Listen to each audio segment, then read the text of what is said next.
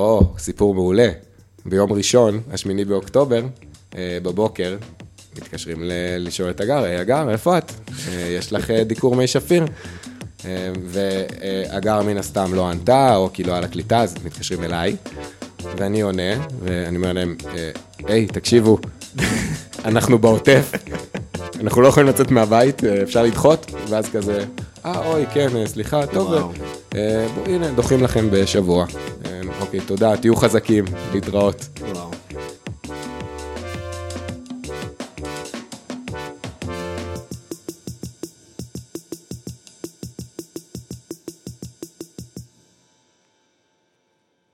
שלום לכל המאזינים ומאזינות, ברוכים הבאים לעוד פרק של שיחות סלון. אה, יש לנו פה אורח מיוחד, כמו כל האורחים, אבל מיוחד במיוחד, הרן אוברמן, אהלן, ברוך. הבא. תודה, תודה. מה שלומך? סך הכל בסדר, אה, היו ימים רעים יותר, היום כבר אה, הרבה יותר נינוח, חזרנו לשגרה, יחסית, בטח נפתח את זה בקרוב. לגמרי.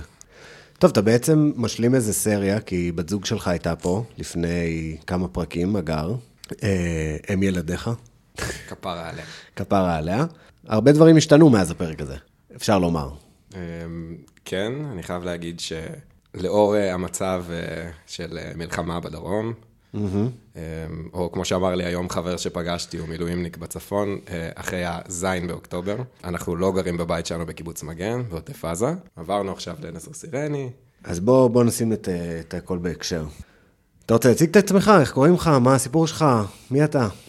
טוב, האמת ש, שחשבתי על זה כזה. איך אני קשה. מציג את עצמי? כן, שאלה קשה. ודבר ראשון אמרתי שאני אפתח לא בלהציג את עצמי, אהה, אני אפתח ב- בלדבר קצת על איזה סוג של אה, חרדת אה, פרטיות וירטואלית. יאללה. אה, סתם כזה תסמין, זה, אני לא בן אדם שאוהב אה, לדבר על עצמו המון, אז אני רוצה מוזר לך עכשיו? אה, מוזר קצת, כן. כן. אני, אני כן, כן אוהב לדבר עם חברים, אבל, אבל ב, בלי מיקרופונים באמצע. בלי מיקרופונים, בלי מצלמות. בלי מצלמות מאזינים. אהה. כן, משהו קצת אה, מוזר לחשוב עליו. אבל אה, תמיד היה לך חרדת פרטיות כזאת טכנולוגית? לא טכנולוגית, פשוט אה, תנו לי לחיות את חיי. אם כבר מדברים על עצמי, אז נכניס משהו קטן, אני היום כבר פחות, אם. אם בכלל לא, אבל, אבל תופפתי בתור אה, ילד ונער, ותמיד אהבתי את זה שאני מאחורי התופים. התופים שומרים עליי, אני באמצע הבמה, או יותר נכון מאחורה, אבל אני במרכז שלה, רואים אותי, אבל מאחורי משהו. נכון. זה, זה המקום הטבעי שלי. יפה. ואני נוכח, תשמעו אותי, אבל... אבל לא, אני... לא כמו הסולן, לא מקדימה. כן, אבל אני שם, אני חשוב. אי אפשר בלעדיי. אל- אל בדיוק, אבל אל תסתכלו עליי. תשאירו אותי שם, מאחורה. ומכאן אה, אני, אני בא, בא שנייה להגיד למאזינים, לחברים, תעצרו את ההקלטה שנייה, אם יש לכם שם אבל ייחודי, חפשו אותו בגוגל, בעברית, באנגלית. יצא לך פעם? לחפש את השם שלי? כן. אה, בטח. שקרן משלו. אה, מי שאומר שהוא לא עשה את זה. אוקיי, מה מצאת? ב... אני מניח שכאילו, כאילו, המקום עבודה וזה, אה, אחר כך כל מיני תוצאות של אה, דברים שפרסמתי לפני מיליון שנה בהארץ.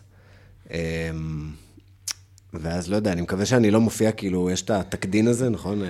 הלל אסף מופיע בפסקי דין. אה, כן, מדינת ישראל נגד הלל אסף. בדיוק, אז אני מקווה. שאני לא בכאלה.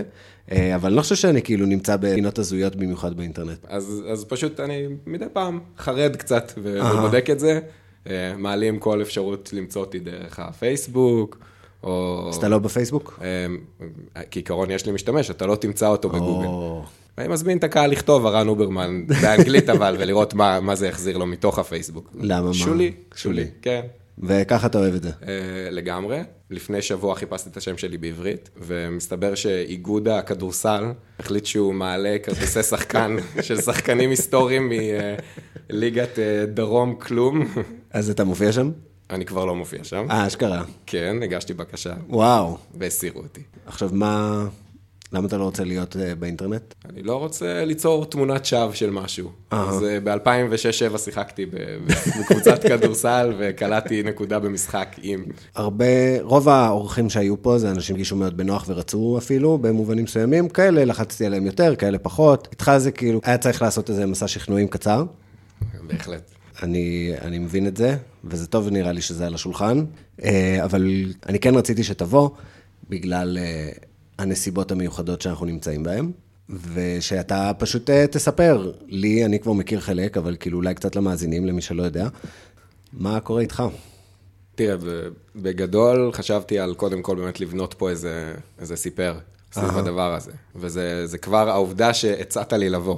העובדה שהסכמתי כבר גרם לי לגלול את, ה, את הסיפור. כן. ו- ולנסות לדלות את, ה- את הפרטים החשובים, או את הנקודות ציון בשבילי, או מה, מה באמת השפיע עליי, או במה אני נאחז. והצלחת? אה, אני חושב שכן, זה, זה, זה צף, לבד. כן. אה, זה רק צריך לחבר את הנקודות. אז נראה לי אני, כאילו, זה עוד לא נאמר מפורשות, אבל אתה ובת זוג שלך אה, גרתם במגן, בעוטף עזה. מאז השביעי באוקטובר אתם עברתם אה, טלטלות מאוד רציניות, פינו אתכם מהקיבוץ שלכם, ו- ואז התחילה סאגה שלמה, ואני כאילו רציתי לבוא, אה, רציתי שתבוא ותספר, אה, ונדבר על זה ביחד, כי כאילו, לא יודע, סיפור מטורף בעיניי, סיפור מאוד רלוונטי, הזדמנות לדבר על משהו אקטואלי, אבל גם משהו אישי, לחשוף את זה, ונראה לי, לא יודע, לי לפחות זה, זה מעניין, ואני בטוח שלעוד הרבה אנשים, ואני מקווה שזה, כאילו, ואני מודה לך שבאת עם החששות, בשמחה. לבוא לעשות את זה. אז אה, כאילו, השאלה הכי נדושה זה איפה הייתם ב-7 באוקטובר? אה, אני עוד פעם מחזיר אותך אחורה, אז, אז בוא אני אספר כזה שוב על, על עצמי.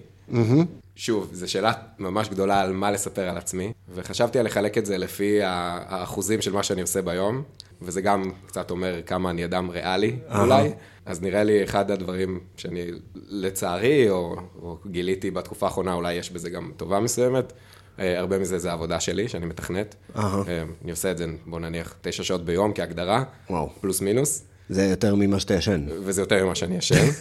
אז בעצם אני מתכנת, אני ישן, זה גם אני, כי, כי זה משהו גדול. כן. אמ, ואני אבא ובן זוג, אה, בן זוג של הגר, שהייתה פה כבר, אה, אבא של ישי ואמרי, ובקרוב מאוד, אה, בעזרת השם, אה, אבא לעוד בן. וואו. אה, אני מקווה ש, שכשהפרק יצא, זה... לא, לא יודע מתי הוא יצא, אבל או, או שהילד יצא לפני והכל יהיה בסדר, או שהוא עוד לא יצא, אבל הכל יהיה בסדר עדיין. ו... אני בטוח.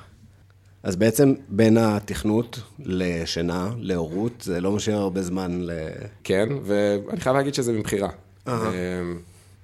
גם הגר דיברה על זה הרבה, יש משהו בהורות ש, שאתה אתה מסיר ממ- את, הרבה מעצמי שלך לטובת הצאצאים שלך, אבל, אבל זה ממש, זה הגיע מבחירה, זו בחירה שהיא היא מצד אחד לא קלה, אבל, אבל גם מתרגלים אליה, מאמצים אותה, אה, וזה ממלא מאוד, במיוחד שאתה אתה קוטף את הפירות, אתה, אתה מקבל בחזרה, אתה...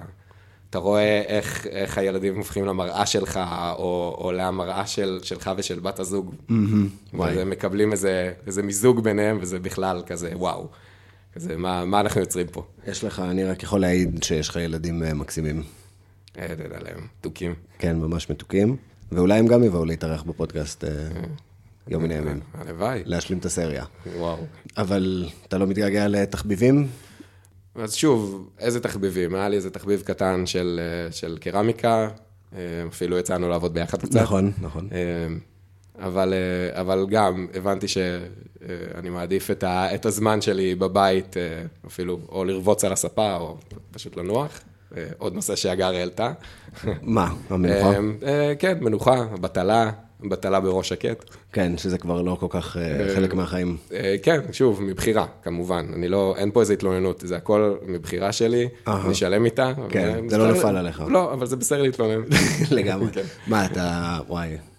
אני כאילו, בזמן האחרון אני ממש בימי אה, הסופאשים שלי, אני משתדל לזוז כמה שפחות בהם. כאילו, אם אני זז, אני חווה את זה כאיזשהו סוג של כישלון. כזה, אל תפריעו לי, אני לא רוצה ללכת לשום מקום, אני רוצה פשוט להיות על הספה, לקרוא עיתון, ואני, וזה פשוט, אין סיכוי שזה דומה למה שאתה עובר בסופאשים. חלום, אני מתפלל שזה יקרה לי בשנת צהריים, כזה בין אחת לשלוש כזה, אה, לא תמיד זה עובד. אה, אבל זה גם מעניין שאתה כאילו, כשאתה שואל את עצמך איך אני מציג את עצמי, אז אתה אומר, טוב, בוא נחלק את היום שלי, ולא מהלך אה, כרונולוגי. כן, רציתי, רציתי להיות מקורי קצת. לגוון. אה, ושנייה, אה, להרחיק אותנו מהעובדה שגדלתי בקיבוץ מגן. בעוטף עזה, ולשם הסיפור כבר... אה, יזרום. כן, ממשיך. אהבתי. אז אתה כאילו, קודם אנחנו מכירים את הדמות, איפה שהיא נמצאת עכשיו, כרגע אתה בנצר סרני, נכון. עכשיו אנחנו כמו בסרטים כאלה, אתם בטח שואלים את עצמכם איך הגעתי לנצר סרני עם שני ילדים ואישה בהיריון. אמ, אז איפה הכל מתחיל? Uh, הכל מתחיל כשנולדתי, בקיבוץ מגן, בעוטף עזה.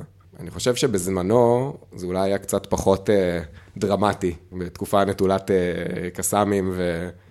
ואירועים. בתור ילד אני ממש uh, זוכר את עצמנו כרחוקים מכל גל הפיגועים ואינתיפאדות. בתור ילד הייתי ממש מנותק מזה. אם זה כי ההורים ניתקו, ואם זה האווירה בקיבוץ, לא יודע. כן, הם היינו צעירים. Uh, כן, ואז בעצם uh, לקיבוץ מגן, uh, משום מה, uh, זה קיבוץ פחות uh, מתווך. לא ברור באמת uh, למה, אולי בגלל הקבר של השייח' נורן שנמצא בקיבוץ, ושומר עלינו, בדואי שגר שם uh, 100 שנה לפני שהקימו את הקיבוץ או משהו כזה. אבל הוא תמיד לאורך כל השנים היה פחות מתווך, פחות ירו עליו. גם כשהיו מלחמות או מבצעים גדולים, עופרת יצוקה, לא היה לנו ממ"דים עדיין, אבל היה איזה מין הרגשה יחסית בטוחה, כי אה, לא יורים עלינו, השייח' נורן שומר עלינו, אנחנו בסדר. קיבוץ מגן. כן, מגן כשמו כן הוא. כן, מוגנים שם, הכל טוב. עכשיו שאנשים יש להם כאילו קצת אה, תפיסה יותר אה, אה, של רצועת עזה, אז איפה זה נמצא? אז הקיבוץ הקרוב זה ניר עוז. חייב להגיד שאם אם מישהו מהמאזינים שלנו לא יודע איפה זה קיבוץ מגן, או שלא שמע על קיבוץ מגן, אז, אז אני צריך להגיד תודה, כי זה אומר שלא חטפנו מספיק חזק כמו השכנים שלנו. נכון. אה, ומכאן גם אני חייב להגיד אה, שיש פה סיפור שהוא אולי אישי שלי, או משותף שלי עם המשפחה שלי, אבל היו אה, שכנים שלי שסבלו הרבה יותר ממני, כמו קיבוץ ניר עוז. אני, לא, אני לא בא אה, להשוות את עצמי או משהו כזה. בדוק. אה, פשוט באנו אה, לדבר עליי. ולמשפחה שלי. אני גם, אה, בלי להמעיט מהם שום אה, רגש או, או צער. obviously זה, זה לא הכוונה, ואני גם... חשוב להגיד. כאילו, סתם, זה פשוט, אה, זה, זה, זה מראה כאילו כמה הסיטואציה שאנחנו נמצאים בה היא מטורפת, שכאילו גם הסיפור שלך, שהוא כאילו סיפור, אה, לא יודע מה, הוא לא רגיל, לא, הוא שינה במובנים רבים את החיים שלך מאז. כאילו, עדיין אנחנו מרגישים צורך להגיד, כאילו, אבל אני יודע את מקומי במדרג הזה. כן, אני חייב להתנצל כן. ש, שאני בסדר, והבית שלי עומד, והקיבוץ שלי שלם. כן, זה גם, אני חושב שכאילו, טוב, אנחנו עוד נגיע לזה, אבל יש איזה אדוות של הדבר הזה. אתה יודע, בדיוק כמו הדירוג הזה, המטומטם שאנחנו עושים לעצמנו בראש, מי הכי נפגע, מי הכי זה, מי לא, מי... מתלווה לזה גם הרבה אשמה, אצל כולם. יש איזו אשמה שאתה גם לא סובל, אני תוהה אם זה כאילו... כי תמיד אנחנו- יש מישהו ש, שסבל יותר, אז מי אני שאתלונן? מי אני ש... אז אני תוהה אם זה כאילו ב-DNA היהודי שלנו, שכאילו יש איזו אשמה ו- וכאילו אני לא מספיק ואני צריך לסבול יותר. שאלה טובה. כאילו, אתה יודע, לך תדע, אם זה קורה בשוודיה, אז כאילו, אנשים לא אומרים, וואי, אני הייתי צריך להיות, שם", אלא הם אומרים, איזה מזל שלא הייתי שם, כאילו. אבל אני מאוד אה, מתחבר ומזדהה עם אה, מה שאתה אומר. אה, בהתחלה, זה, זה היו הדברים הראשונים שיצאו לי מהפה, של קודם כל אני אומר תודה, אה, יצאנו בזול. כן, זה כן נאמר בהתחלה, אבל ככל שעובר הזמן, אז גם אתה מבין לאן נקלעת. ו- כן, יש מקום גם לדברים שהם לא טרגדיות נוראיות. לא יודע, מה, דברים פתאומיים ומפחידים ו- ולא ברורים. כן. נראה לי זה כאילו יותר הכיוון של השיחה כזה, אם אנשים צריכים אזהרת טריגר, אז לא יהיה פה כאילו... כן, אין סיפורי זוועות במגן, הכל בסדר. אבל כן הושפעתם. אה, מאוד. אה, עברו כבר יותר משלושה חודשים. אה, כן היינו בבית, לקחנו דברים, אבל אנחנו לא יכולים לגור שם. כן. לא יכולים לחזור. רוב הקהילה לא שם, אין טוב, מסגרות בואו חינוך. נ- לפני שנגיע. כי זה, אתה יודע. העניין הוא, מבחינתי, מה שאתה אומר, יודעים, אבל מעניין אותי כאילו להגיע לשם דרכך, כדי להבין כאילו כמה זה הזוי. אתה מבין? כי כאילו המאזינים של היום זה כזה, כן, אנשים מפונים. כאילו זה כבר התרגלנו למציאות הזו, כמו שהתרגלנו למציאות ההזויה שלא יודע מה, יש 136 חטופים בעזה. אבל אה, כשמספרים איך הגענו למצב הזה, אז פתאום אתה כזה, וואו, זה באמת דפוק. עברתם למגן לפני... אמ, שנה אה, וחצי כמעט. זה היה אה, בחירה מושכלת אחרי הרבה מחשבה של אה, הריון שני של הגר. אמרנו בואו נתקרב להורים, אה, נחנך את הילדים במקום שבו אנחנו גדלנו, אמ, שטחים פתוחים. אה, הילד יכול לפתוח את הדלת לבד ולצאת בתחתונים וללכת לשכנים. זה, זה האווירה הזאת. אה, אווירת החופש הקיבוצי והחינוך ש, שאתה יודע שהוא כמו, כמו שאתה גדלת ואתה תופס אותו כחינוך טוב, אה, יחס טוב מטפלת ילד. אה, מאוד מאוד פרקטי ומאוד מאוד להתקרב למשפחה בשביל לקבל את העזרה. אה, ו- והכיף של סבא ונכד, ש- שזה זה היה חשוב לנו גם בשביל הילדים שלנו. וגם בשביל ההורים שלכם. אני פתאום נזכר שגם לא אמרנו איפה זה בעצם נמצא מגן, רק אמרנו שזה לא מטווח. אה, ושזה נמצא קרוב ל- לנחל עוז. לניר עוז. לניר עוז, סליחה. מרחק של אולי קילומטר מניר עוז, אה, יותר רחוק מהרצועה, אז הם הגיעו אליהם קודם. ובדיעבד אולי בגלל זה, בגלל זה ניצלנו. ופחות מארבע קילומטר מהגדר, אם תפתח גוגל זה ארבע, משהו כזה. דרום הרצועה. כן, אה, אפילו דרומית לח'אן יונס, אם אתה מסתכל. אה, וואלה. כן, ממש אה, דרום הרצועה, וזה אומר ש, ששם עוד לא, עוד לא התנהלו אה, הקרבות העזים נכון לעכשיו, ובגלל זה אין צפי לחזרה בחודש, חודשיים, שלושה הקרובים. אוקיי, טוב, אתה מוכן? בוא ננסה. אז חזרתם לקיבוץ, אתה, אגר, שני ילדים. איפה אתם בשישי לאוקטובר? שאלה טובה. היינו מן הסתם בקיבוץ מגן, אבל uh, יש מצב שאלמנט הטראומה קצת השכיח אותנו מה עשינו ביום הזה. Mm-hmm. Um, כנראה יום uh, שישי רגיל, ארוחת ערב, uh, קצת טלוויזיה, לישון, ילדים ישנים. כאילו, לא, הכי רגיל שיש. הכי רגיל, מתכוננים ליום שבת, יש uh, uh, עפופוניאדה כזאת, נכון. שמכינים עפיפונים בבוקר, הולכים בערב, לס... אחרי צהריים לשדות. אה, מעיפים אותם, עושים פיתות, וכזה אירוע ממש ממש יפה, קיבוצי, צבעוני. של הקיבוץ שלכם או של האזור? של הקיבוץ שלנו, משהו שנתי, כל קיבוץ עושה את זה בדרך כלל. Mm-hmm. אירוע ממש ממש יפה, וכיף עם ילדים, וקהילתי, ובאווירה טובה, ו- וזה בשדות שסביב הקיבוץ, השדות שתמיד מרגיש בטוח ונעים להיות בהם. אז זה היה התוכנית שלכם, כאילו, לקום וללכת ל... אה, ממש ככה, לקום בבוקר, לאכול ארוחת בוקר, להכין עפיפונים. Mm-hmm. ומה קרה בפועל? אני אספר את זה שוב מהנקודת אה, מבט שלי, הגר יכולה אה, לחלוק עליי. לא, גם חשוב להגיד, אתם שני אנשים שונים, אתם אומנם חולקים חיים, אבל... בדיוק, והזיכרון זה דבר מתעתע, וכל אחד שומר בראש שלו את מה שהוא רוצה לשמור. בשלב מסוים, יחסית מוקדם ביום הזה, הגר אמרה, לא ברור למה היא קמה כבר, בסביבות חמש וחצי. קצת אחר כך גם ישי התעורר, הבן הקטן שלנו.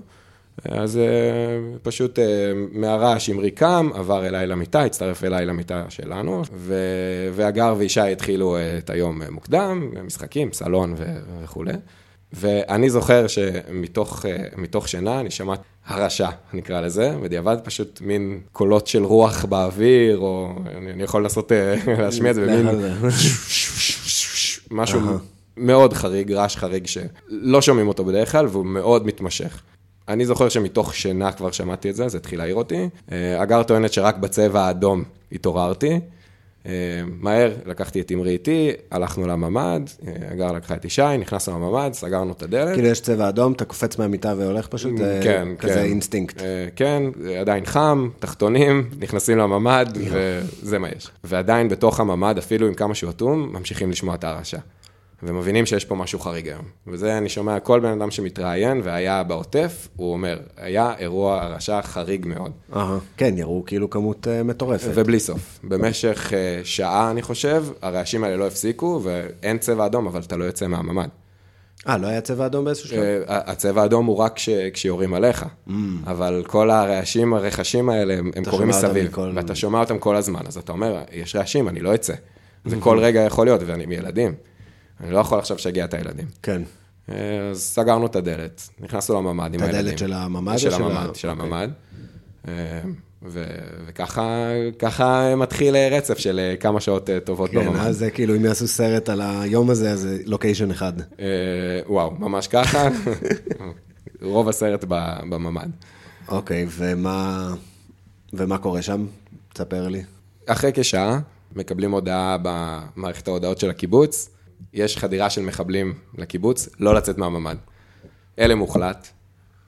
בתרחישים כזה, הכי גדולים, אנחנו אומרים, אוקיי, בסדר, זה, זה אומר שכנראה נכנסו איזה ארבעה מחבלים, וכיתת כהנות על זה, ונלחמים בהם, ויהיה בסדר.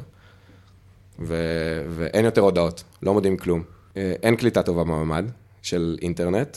במקביל יש רעש של פיצוצים, צבע אדום, צריך איכשהו להעסיק תמרי כדי שהוא לא יפחד, uh-huh. צריך להעסיק את ישי, צריך לתת אוכל לילדים, כבר מתקדם, מתקרבים לשעת ארוחת בוקר. וואו, כבר שמת חולצה או...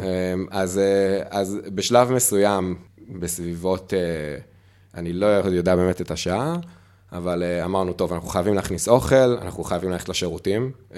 אין מה לעשות, uh, הבטן, זה לא עושה לטב אירועים כאלה. כן, בטוח. ואז כזה, כל פעם שיוצאים, אז הולכים להביא עוד איזה משהו, עוד איזה אוכל, איזה גיחה לשירותים, משהו ללבוש. אבל כאילו, אתה יודע לאן אתה, זה כמו גיחה ממוקדת. אתה יודע מה אתה הולך להביא, אתה מביא אותו וחוזר. ממש ככה, והלב דופק, לא משנה מה, על מה תסתכל, אתה מנסה לראות מהחלון, נועל את הדלת, דברים כאלה, כאילו, לסגור חלונות רק כדי...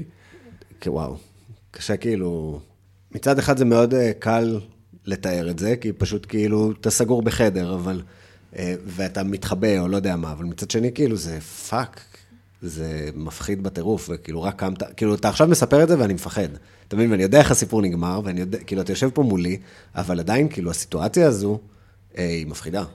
היא מפחידה, וגם אם אתה משקר לעצמך ש, שהכל בסדר, וכיתת כוננות אה, מטפלת במצב, הגוף שלך מבין שמפחיד. וואו. והגוף שלך רוצה לשירותים. יו. והגוף שלך קשה לו להחזיק דברים אולי אה, יציב כמו ש, שהוא רגיל.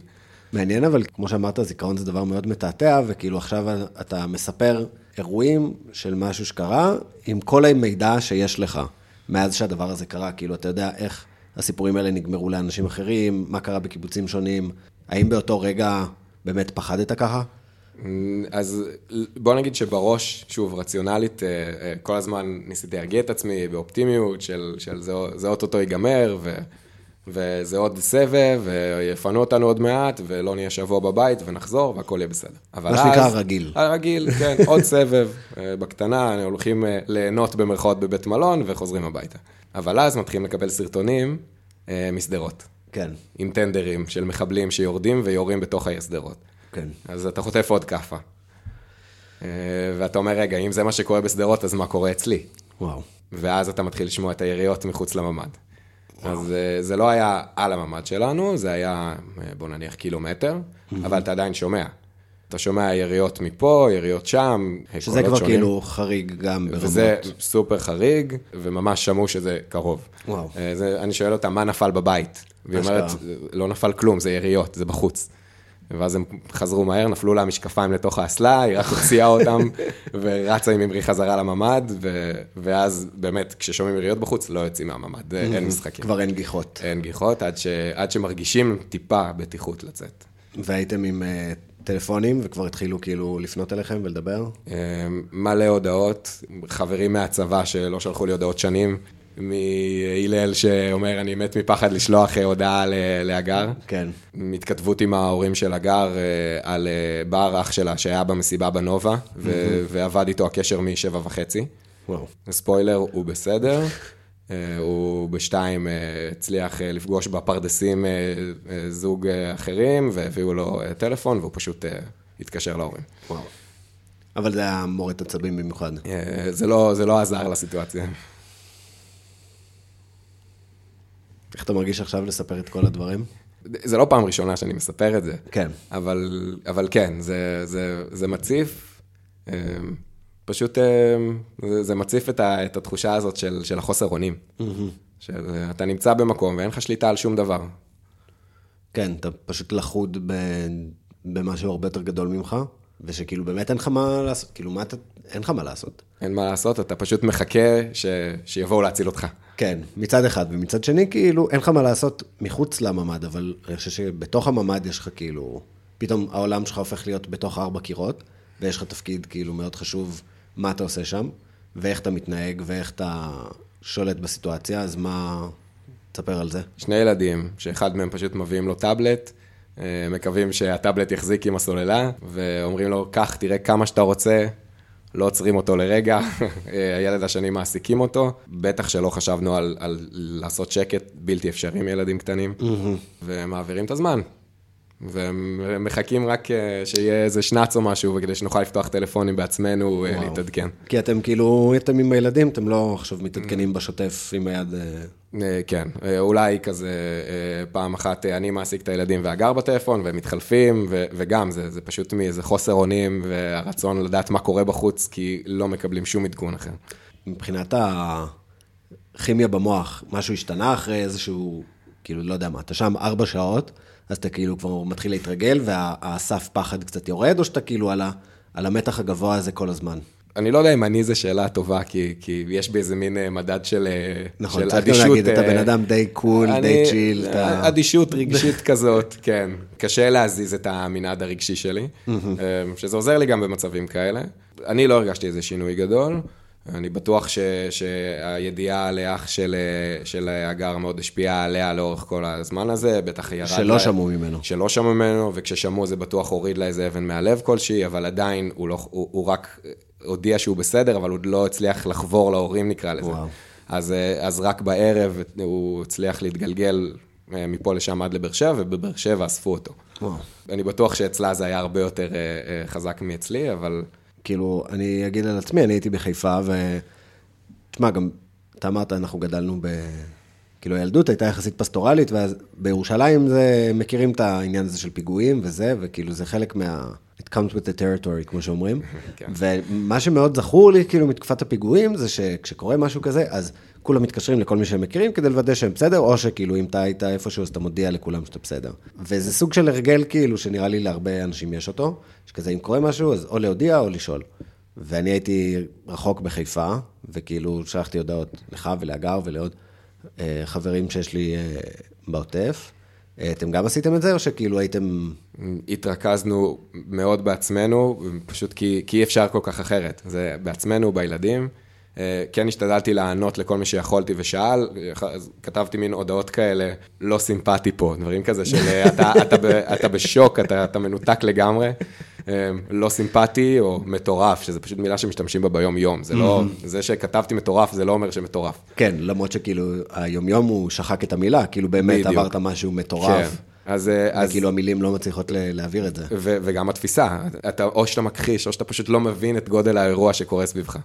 אז כזה, כן, אני שומע יריות לא סימפטי, כזה הכי מוזר ואדיש, אבל כן, יש לי הודעות כאלה ששלחתי, השתדלתי לענות לכל מי ששלח, כדי לפחות שלהם לא יהיה את הפחד שאני לא בסדר.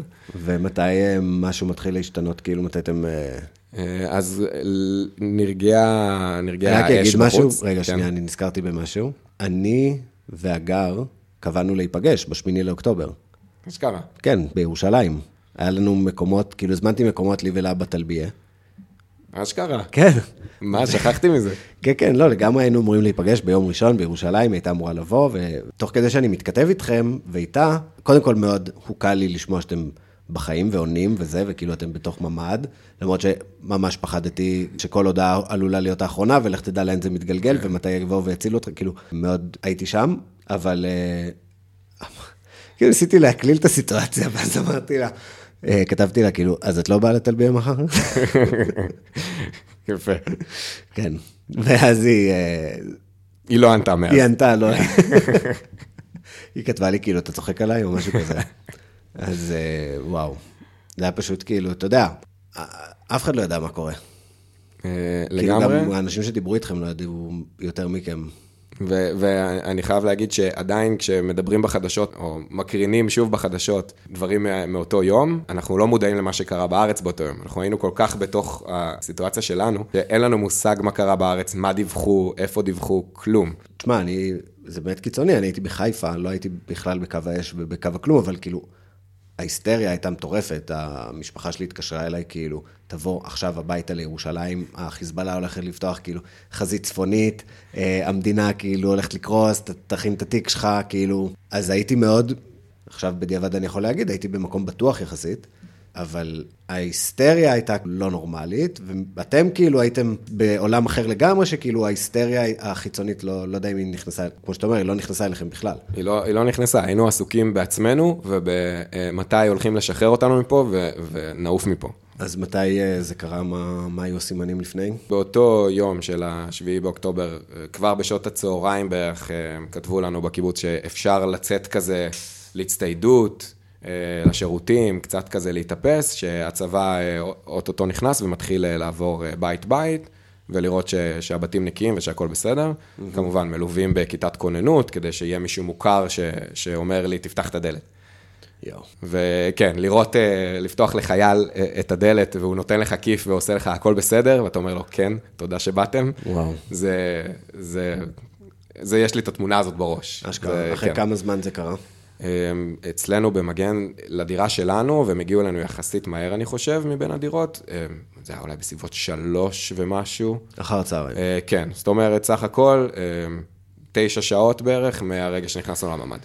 וואו. אה, ארוך, כן. ואז מה הוא אמר לך? אתה יכול אה, לצאת להשתין בבית שלך? לא, אז אה, כשהגיעו, כל- אמרו לנו, אתם יכולים להגיע להיות בסלון כדי שתשמעו את החיילים באים וקוראים לכם, והכל אבל לא בסדר. לצאת עדיין. אה, לא, ממש לא לצאת החוצה, כי כי הם בודקים שאין אף אחד מסתובב בחוץ. וואו. כן. אז כאילו עשו איזה בדיקה לראות שאתם בסדר, שהבית נקי, שהבית נקי, אשכרה. כן. הזוי, ואתה יודע, חיילים, קסדות, כל הציוד. עליהם. כן. ואתה ידעת שההורים שלך בסדר, ו... כן, כן. אה, התכתבתם והכל. התכתבנו אה, באופן מפתיע, זה, אני חושב שזה רק היה, לא יודע אם, אם זה רק בקיבוץ מגן, אבל הייתה קבוצת וואטסאפ של קיבוץ מגן, והיא הייתה יחסית שקטה. Mm.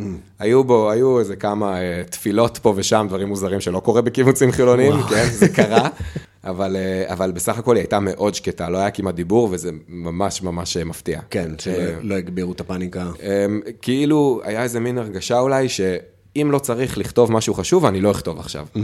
אה, ו- ובאמת, בגלל שכיתת כהנות עבדו קשה ו- ומנעו ממחבלים להיכנס, אז, אז אף בית לא חטף בתוכו את, ה- את האירוע הזה. אז איך לחוץ. זה המשיך אחרי שה... שהחייל דפק? כאילו, ומה שלום הילדים בזמן הזה? הם כבר... אה, כאילו, אמרי מתחיל להבין, או שהוא עדיין מול הטאבלט אה, מבסוט על החיים שלו? אה, מבסוט, אה, אתה יודע, כמה ש, שיכול אה, כחלק מהסיטואציה שאתה תקוע בממ"ד, אבל אה, נתנו לו כמה שהוא צריך את, הטאבלט, נתנו לו להסתובב בבית קצת, להוציא אנרגיות, אה, לאכול איזה משהו קצת אחר, אבל אה, מין אה, שקט מתוח כזה של, של מה קורה עכשיו. אה, עדיין קורה, כאילו, האזור בוער, ו, ולאן מתקדמים מפה. ואתה והגר מצליחים כאילו לנהל איזושהי שיחה קוהרנטית, או שאתם כל הזמן... אה, פרקטי מאוד על, על מה קורה ו, ומה עושים עכשיו ואיך אה, דואגים לילדים ומה קורה מסביב. ולא כאילו, איך עפים מפה כמה שיותר מהר? אז זה, זה אין, אתה לא תלוי בעצמך, אתה פשוט מחכה שייתנו לך את האישור ואל כן, כי בעצם אמרו לך, אל תצאו מהבית. תצא מהבית. אז אפילו את המזוודות מהמחסן אי אפשר ללכת להביא. אז מה, איך הלכתם לישון? אה, לוקחים את המזרון, שמים בממ"ד עם הילדים והולכים לישון. ואני אני ישן, אני גמור, אני ישן, והגר אמרה שהיא ישנה קצת פחות טוב. בכללי הראש עובד ומפריע. בשלב הזה, אחרי שהיו חיילים ואמרו לכם שאתם יכולים לצאת, אז הפחד האישי קצת קטן, אבל כאילו, יש יותר מקום ל- להבין מה... להבין מה קורה מסביב. כן, לה- כאילו פתאום, אוקיי, אני בטוח, המשפחה שלי בטוחה, אבל מה fucking קרה פה? אה, מתחילים אה, לשמוע שמועות מבארי וניר עוז, ובעיקר כזה באותו רגע אתה מתרכז בעצמך, אתה אומר תודה. הגיעו אליי בסוף, איזה מחדל, יום כיפור, ומקווה ש, שתוכל לצאת כמה שיותר מהר מה, מהמקום הזה, נכון לעכשיו. טוב, נעשה הפסקה. יאללה. טוב, אז מה אתה אומר, זה היה כאילו היום הכי אינטנסיבי בחיים שלך, 7 באוקטובר? אני די בטוח שכן. בטוח האינטנסיביות שהגוף חווה. כי אם הראש כזה אומר, אה, זה כלום, יהיה בסדר, אה, הגוף מבין ששום דבר לא בסדר. וואו. ואז כזה, אצלי הגוף פשוט הלך לישון ונרדמתי. הרבה אמרו שהם לא נרדמו בלילה הזה. אני נרדמתי, קמתי, אני חושב, בלילה כי, כי שי קם, מביאים לו בקבוק, אבל סך הכל ישנתי את ה... וכאילו הפסיקו כל הצבע האדום וכל ה... בלילה היה שקט, אני חושב שאפילו ביום ראשון אה, גם לא היה צבע אדום, אני חושב. אנחנו גולשים באמת ליום הבא, שקמנו בבוקר. נכון. למרות שאני זוכר שכתבת לי ב-7 באוקטובר, פתאום אני נזכר, שכאילו אתה אמרת לי, אתה יודע, אני לא הייתי קרבי כמוך, זה חדש בשבילי, ואני כזה, תשמע, בן אדם, אתה הזוי, כאילו, מה, אתה חושב שאני עברתי משהו כזה, כי הייתי קרבי? אני לא הייתי בשום שטח לחימה, לא הייתי במקום שאני שומע יריות סביבי. אה, לא הייתי באיזה מקום של פחד על החיים שלי, של לחימה, או של, אה, לא יודע, משהו קיומי כזה. זה גם, אני חושב שכאילו זה הפתאומיות, כאילו עוד פעם, אנחנו מדברים אחרי שלושה וכמה חודשים, שאנחנו כבר כאילו כולנו הורגלנו לעובדה שהדבר הזה קרה, אבל זה היה פתאומי בר- ברמות, כאילו, לא היה אפילו סימן, לא היה כאילו, זה הולך להתחמם, אה, מתוח, מבחינתנו כלום, עוד חג סוכות, עוד כיף, עפיפוניאדה. וכאילו, ה- ה- מ- מהכלום הזה, ליום הכי אינטנסיבי בחיים שלך, זה פשוט כאילו פער מאוד מאוד גדול. ו- ויום אינטנסיבי שמתרכז כולו בהיום ובאיך אני משפר את היום שלי. בלי שום ראות קדימה, הבנה שאי אפשר לתכנן שום דבר קדימה עכשיו. זה ממש משנה את, ה- את ה mind שלך, את איך שאתה חושב. אתה מתעורר בשמיני לאוקטובר, ולדעתי בשש וחצי שוב פעם כתבו לנו, כנסו לממ"דים, כן, יש אה, חשש לחדירות שוב מסביב, לא, ומחבלים. זה גם היה כאילו עדיין לא, לא תיארו בכלל את השטח. בדיוק, ו... גדר פרוצה, נכנסים עוד כוחות, אז בילינו עוד ארבע שעות בממ"ד, אבל זה כבר היה יום כזה, לא שמענו יריות יותר ביום הזה, רק אולי מקלעים של מסוקים, דברים רחוקים יותר. והאמת שבשלב מסוים, ארוחת צהריים כבר היה אפשר לצאת, יצאנו. מחוץ הגר- לבית, כאילו. אה, גם קצת מחוץ לבית, אז מן הסתם הבאנו אה, מזוודות מהמחסן, ו- וכבר הכנו, אה, התחלנו לארוז. הבנתם מעצמכם, או כאילו אמרו לכם... הבנו מעצמנו שברגע שאנחנו חולים, אנחנו עולים על האוטו ונוסעים, אין פה בכלל עניין. לא משנה לאן. לא משנה לאן, אבל כן, כן צריך לחשוב לאן. אז כן. אז בשלב מסוים, אבל גם אה, אכלנו ארוחת אה, אה, צהריים כזה, פעם ראשונה שהגר באמת אה, סוג של בישלה כזה, שמה נקניקיות ופתיתים. אה, נשמע טוב. נחמד.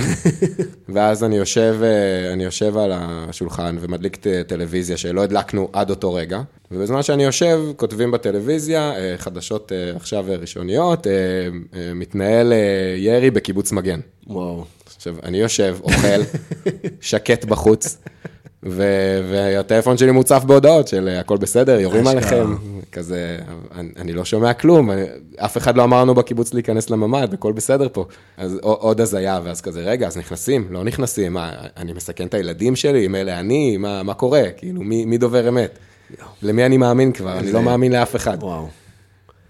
הרבה שואלים אותי עכשיו לאחרונה, דווקא, אם מתוח איפה שאני גר. כי כאילו אני גר באבו תור, יש פה ערבים גם שגרים, וואו. וכאילו, אתה מפחד פחד. לצאת, כאילו כל מיני כאלה, אתה מפחד לצאת מהבית, מתוח אצלכם, כל מיני זה.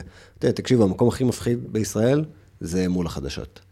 זה כאילו, אתה רוצה לפחד, אתה רוצה לא לצאת מהבית, תהיה מול החדשות. אתה בחיים לא תוכל לעשות את כל זה. כך נכון. אז סתם, אצלך זו דוגמה באמת כאילו סוריאליסטית ברמות של אה, אומרים לך שיורים עליך, אבל אתה מסתכל מחוץ לחלון ו... אה, כן, אז אולי פחות מסתכל, אבל, אבל אתה שומע ששקט בחוץ. אתה, אתה מרגיש בנוח, אתה בבית שלך, בשקט. אף אחד מהגורמים של הקיבוץ לא אמר לך שמשהו לא בסדר. אה, שעליהם אתה סומך ברגע הזה, הם היחידים ש- שאתה יכול לסמוך עליהם, זה הקהילה שלך. אז אתם uh, מתחילים לארוז, ומתי אתם מקבלים את האוקיי לצאת? מקבלים את האוקיי בסביבות אה, ארבע, אני חושב, אחר הצהריים. ודרך אגב, גם אורזים בדיעבד, אה, אורזים את הדברים הכי חשובים שחושבים עליהם, אבל לא אורזים ב mind של אנחנו לא חוזרים הביתה. אורזים ב mind של שבוע. ואחרי שבוע אתה קולט, אני ארזתי רק לשבוע. וואו. אני לא, אני לא ארזתי אה, בידיעה שאני לא חוזר הביתה עד להודעה חדשה. ורק אתם אה, נפלתם בזה, או שכולם היו ככה? אה, כנראה ש, שהיו עוד מהקיבוץ, אני לא, לא יודע בדיוק. מן הסתם, קיבוצים אחרים, אם אנחנו חוזרים לזה, לא ארזו, הם פשוט, חיילים ליוו אותם החוצה בחילוץ. אז, וואו, יצאו אז בלי כלום. אני צריך שוב להגיד תודה על זה. כן. אבל uh, אנחנו גילינו שארזנו את הדברים הכי חשובים שחשבנו על הילדים, אבל, אבל גילינו שחסרים לנו כל מיני דברים. ברגע שבאמת נתנו את האוקיי, הבאתי את האוטו, הרמסנו, עלינו, ופשוט יצאנו, שוגרנו החוצה. היה עוד אה, מקום באוטו שמילאתם אותו כמה שאתם יכולים, כאילו כל מה שיכולתם דחפתם. אה, זה מזוודות, שוב, התפיסה הזאת של אני אורז עכשיו שבוע קדימה ואני נוסע, זהו, מה שהטריף אותי כל הזמן בסיפור הזה, זה שכאילו, הגר הייתה מדריכה ביד ושם, ולמדה איתי היסטוריה. אם יש משהו שהיא יודעת לדבר עליו, זה חוויית הפליטות והיציאה, וכאילו... אבל, אתה יודע, זה, זה משהו שלומדים אותו ב, בספרים ובשיעורים, פתאום אתה צריך ליישם את זה בחיים שלך, כאילו לארוז את עצמך לתוך מזוודה, גם לא לדעת לכמה זמן אתה יוצא מהבית. זה פשוט מטורף. שאתה עובר את החוויה הזו, שאנחנו עכשיו מדברים עליה, וזה לא עבר עתיק, אלא אירוע אמיתי שמישהו עבר, עכשיו, חבר, פתאום כאילו זה גם שם את כל הרגעים האלה בהיסטוריה באור אחר. כמה האינדיבידואל לא יודע בכלל מה קורה, כמה הוא חסר כוח מול מה שמתרחש, ואיך הדברים האלה כאילו מתגלגלים בעצם, זה לא... כאילו, אני מנסה עוד פעם לחזור לשמיני באוקטובר, שאתם אורזים את עצמכם, זה... אין לכם מושג עדיין, אתם לא יודעים ל... ל... אין לך מושג כלום, אתה פשוט אורז את מה שנראה לך הכי הכי חשוב לעכשיו. תעודות זהות, לא הבאנו. דרכונים, לברוח מהארץ, לא הבאנו. וואו. אה, בטח שלא את המחשב שלי של העבודה, דיברנו על, ה, על החשיבות היומיומית שלי. שום סיכוי שאני לוקח אותו איתי, זה לא חשוב עכשיו. בדיעבד, נגיע לזה בהמשך, זה, יש בזה ממד של חשיבות. אז אתם אורזים אה, את הכל ונוסעים ל... אה, נוסעים לדודה של הגר, המחזה בכבישים לא נעים. פינו, אה, פינו את הגופות, אני מצטער על התיאור הגרפי, אבל הרכבים, השרופים, הירויים, הכל בצידי הכביש. וואו. כן, זה, זה מראה מאוד מאוד לא קל, שזה הכבישים שלך, של המועצה שלך, המקום הזה שאתה מכיר, שם את הרגל על הגז, לא, אתה יודע שאין משטרות ואתה פשוט בורח. וואו. אמ, הכבישים יחסית ריקים, או אה, מקומות שיש קצת יותר צבא ו- וכאלה. באמת מראה סוריאליסטי, אה, משחקי מחשב של אה, סוף העולם. ו- ועוד אצלנו היה יחסית נקי, לא, לא היו המון מכוניות, אבל יש, אתה נוסע ויש פה מכונית ופה מכונית. שוב, מראות כזה ש- של קשה לשכוח. כן, ושלא דמיינת שתראה. אה, בטח, והראש עובד, והוא מבין שכל אוטו כזה לא הגיע לשם מעצמו. כן, זה לראות כאילו, נראה לי את הממדים של ההרס בעיניים שלך, זה, זה גם חוויה אחרת. כאילו, אתה... החוויה בגוף ראשון, כאילו, המאוד מוחשית וחושית, כאילו, הריחות, וזה, נראה לי שכאילו מי שראה את זה וחווה את זה, זה, זה גם כאילו איזה נדבך. תשמע, בסופו של דבר, הכל, כל האירוע הזה, השביעי באוקטובר, תווך לי דרך התקשורת. כאילו, אני לא הייתי שם, ואני לא ראיתי את זה בעיניים שלי עד היום. בדיוק היום כתבה על uh, תיירות השביעי באוקטובר שהולכת ומתפתחת, כאילו... ה- קיבוץ בארי, בטח. בבארי, בכפר עזה, בחניון רעים, כאילו שזה. הפך להיות איזה מקום עלייה לרגל. אבל אני גם מאוד מבין את זה, כאילו, אתה רוצה לבוא ולראות מה, מה התחולל, אתה רוצה להרגיש את זה. או לתפוס את, את הממדים. תחשוב על אנשים שבחיים לא היו שם. איך הם אה, אמורים לדמיין את זה? אתה גם בא עכשיו, הכל ירוק, ירדו גשמים, הכל עדיין פסטורלי, עד שאתה מגיע לזירה כלשהי. וואו. הכבישים כבר, אין, אין מכוניות בצידי כן. הדרכים. אז אה, נסעתם אה, להיפגש עם המשפחה? נסענו להיפגש אה, עם הדודה של הגר, ידענו שיש לה שם אה, ילדים שאמרי אוהב, אה, שזה יעשה לו טוב. אה, הגענו כזה, פינקו אותנו, המקרר פתוח, קחו מה שאתם רוצים, ארוחת ערב. אה, וזה כן שחרר, כי אם לפני זה אכלנו אה, פרקטית, אז, אז כן קצת התחלנו להרגיש... אה, אפשר אה, לנשום. כן, קצת נושמים, קצת רעבים יותר, קצת כזה... איך הרגשת שמתייחסים אליכם? אמ, זה משפחה, אז זה, זה קשה. במקרה הזה זה, זה פשוט משפחה. אמ, גם הדוד של הגר, הוא היה בהלם. אומר לי, מה זה, עזתים בכפכפים משתלטים על אוגדת עזה, זה, זה שרט אותו לגמרי, הוא לא התנתק מזה, מהתמונות לגמרי. האלה. אז הוא, הוא היה, כן, כזה מאוד אה, במצב ובחדשות, אבל פשוט כזה, בואו, אתם בני משפחה, מקרר פתוח, ילדים, תשחקו, תאכלו מה שאתם רוצים, תרגישו בנוח, תרגישו בבית. וכבר התחלתם לחשוב אה, מה, מה הלאה? כן, אה, ידענו שקיבוץ מגן מתפנה ל- למלון בים המלח, ואמרנו, אנחנו רגע, אנחנו צריכים כזה את ה, אולי שקט שלנו, אולי את ההורים של הגר ביחד איתנו, אז אה, אמרנו, נשען את הלילה אצל הדודה של הגר, ונמשיך משם עם ההורים שלה לצוקים, שהייתה שם איזו משפחה שהייתה בחו"ל, ופשוט נתנה את הדירה שהיה למפונים. אה, וככה אחרי אה, לילה, פשוט ההורים של הגר הגיעו, והמשכנו לשם. ואז אתם מגיעים לערבה, שקט ברמות. אה, כן, מחסום בכניסה ליישוב צוקים עם, עם מילואימניקים מהיישוב. כן, אה, עדיין, כזה אה, באיזה חצי סאטלה של, של ערבה, אבל, כן. אבל מחסום בכניסה, מאוד אני מוזר. הייתי שם בדצמבר, ועדיין היו מחסומים, העניינים הם עדיין שם. כן, נראה לי זה, זה נוהל. זה עכשיו כאילו... נוהל מלחמה נראה לי, כן. וואו. אה, אז זה, זה עדיין נורא מוזר, אבל, אבל אתה רואה ש, שהם מאוד מאוד, הם רוצים לעזור, והביאו לנו צעצועים, והביאו לנו אה, ירקות, ו, ודאגו לנו, אבל משהו בהבנה של, של מה שעבר על הדרום, לא, לא מצ... יכול להמשיך הלאה. ואני מבין אותם, ואולי גם, שוב, מין מנגנון הדחקה שלהם, של כזה, בואו נמשיך לחיות את החיים שלנו כמה שאפשר. כן, תשמע, זה גם קשה מאוד אה, להבין נראה לי, במיוחד ב, בימים הראשונים, כאילו, הרבה פעמים אנשים אומרים, הייתי בהלם, ואתה כזה, טוב, בסדר, whatever, אבל אני באמת מרגיש שכולם היו בהלם לפחות איזה שבוע. לפחות. גם הבן אדם הכי מפוקח והכי כאילו בעניינים, וגם נבחרי ציבור וראשי מערכת הביטחון וכל מיני, אני באמת חושב שכאילו זה המינימום של שבוע, לפני שאתה כאילו מתחיל להבין מה, מה ימין ומה שמאל. כן, וזה מלווה בתחושת החוסר ביטחון, שעד שבאמת הצבא נכון. התאפס על עצמו ו- וניקה את כל הבלגן, אז, אה, אז זה חלק מההלם עדיין. וכבר התחלתם להתחבר כאילו לזרם החדשות של מה קורה אז אה, שוב, מזל שיש ילדים, כי אתה לא רוצה שהם יראו אותך במצב אה, כזה של בטלפון, מנותק. אז, אה, אז השתדלנו כמה שפחות, אבל עדיין, מתחילים, רואים, בערב שהם הולכים לישון, אז קצת רואים חדשות פתאום, ועדיין הסיפורים אה, עוד, אה, עוד לא הגיעו, אז אה, אתה עדיין לא מבין כלום.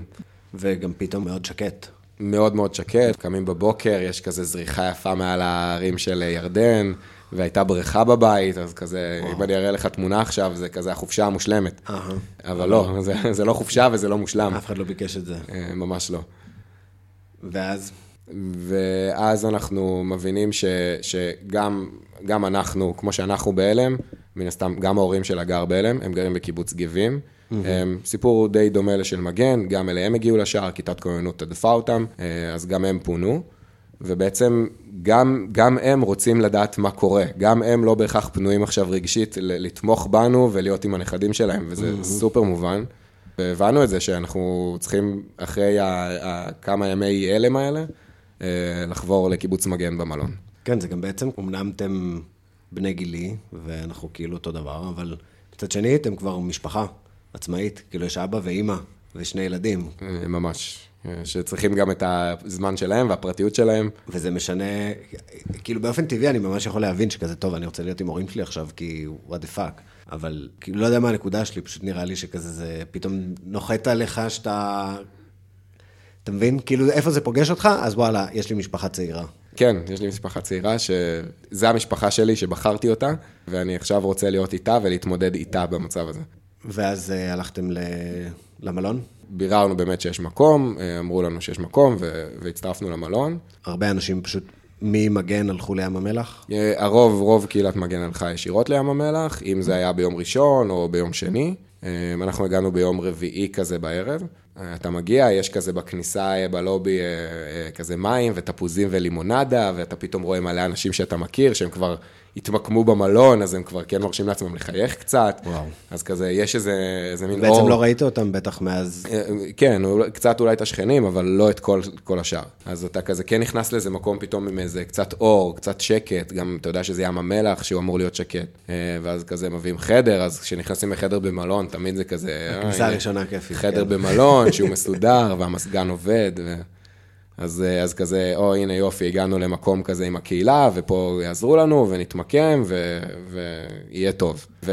ואחרי... אה, And here my troubles begin, מה שנקרא. ואחרי, בדיוק, אחרי כמה ימים אתה, אתה גם, אתה מעכל את הטראומה ואתה מבין ש, שמלון זה לא בית, מלון כן. זה מלון, ולמלון לא כיף לך להביא את הילדים שלך, אה, בטח אם אתה לא אוהב מלונות, ואתה מסתכל קדימה, וכאילו, ועוד פעם, זה לא חופשה, ואתה לא בחרת את זה.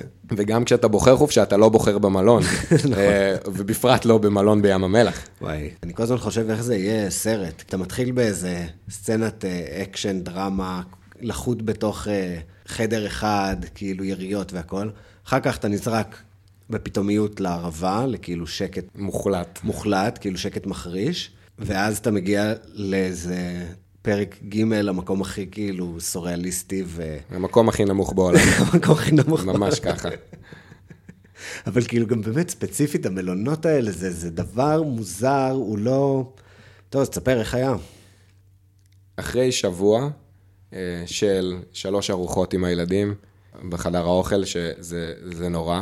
אה, לא יודע כמה מהמאזינים שלך יש להם ילדים ובאיזה גיל, אבל זה מאבק אה, יומיומי, שלוש פעמים ביום, על הסבלנות שלך ו- ועל הסיבולת שלך.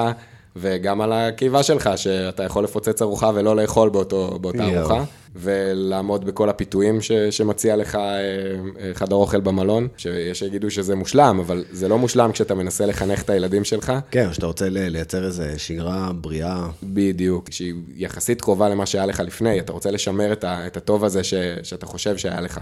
כן, זה גם כאילו, אני חושב על הקיבוץ, שמצד אחד חדר אוכל זה לא קונספט שהוא זר לקיבוץ, אבל מצד שני, לא באופן הזה ולא בתדירות הזאת ולא ב...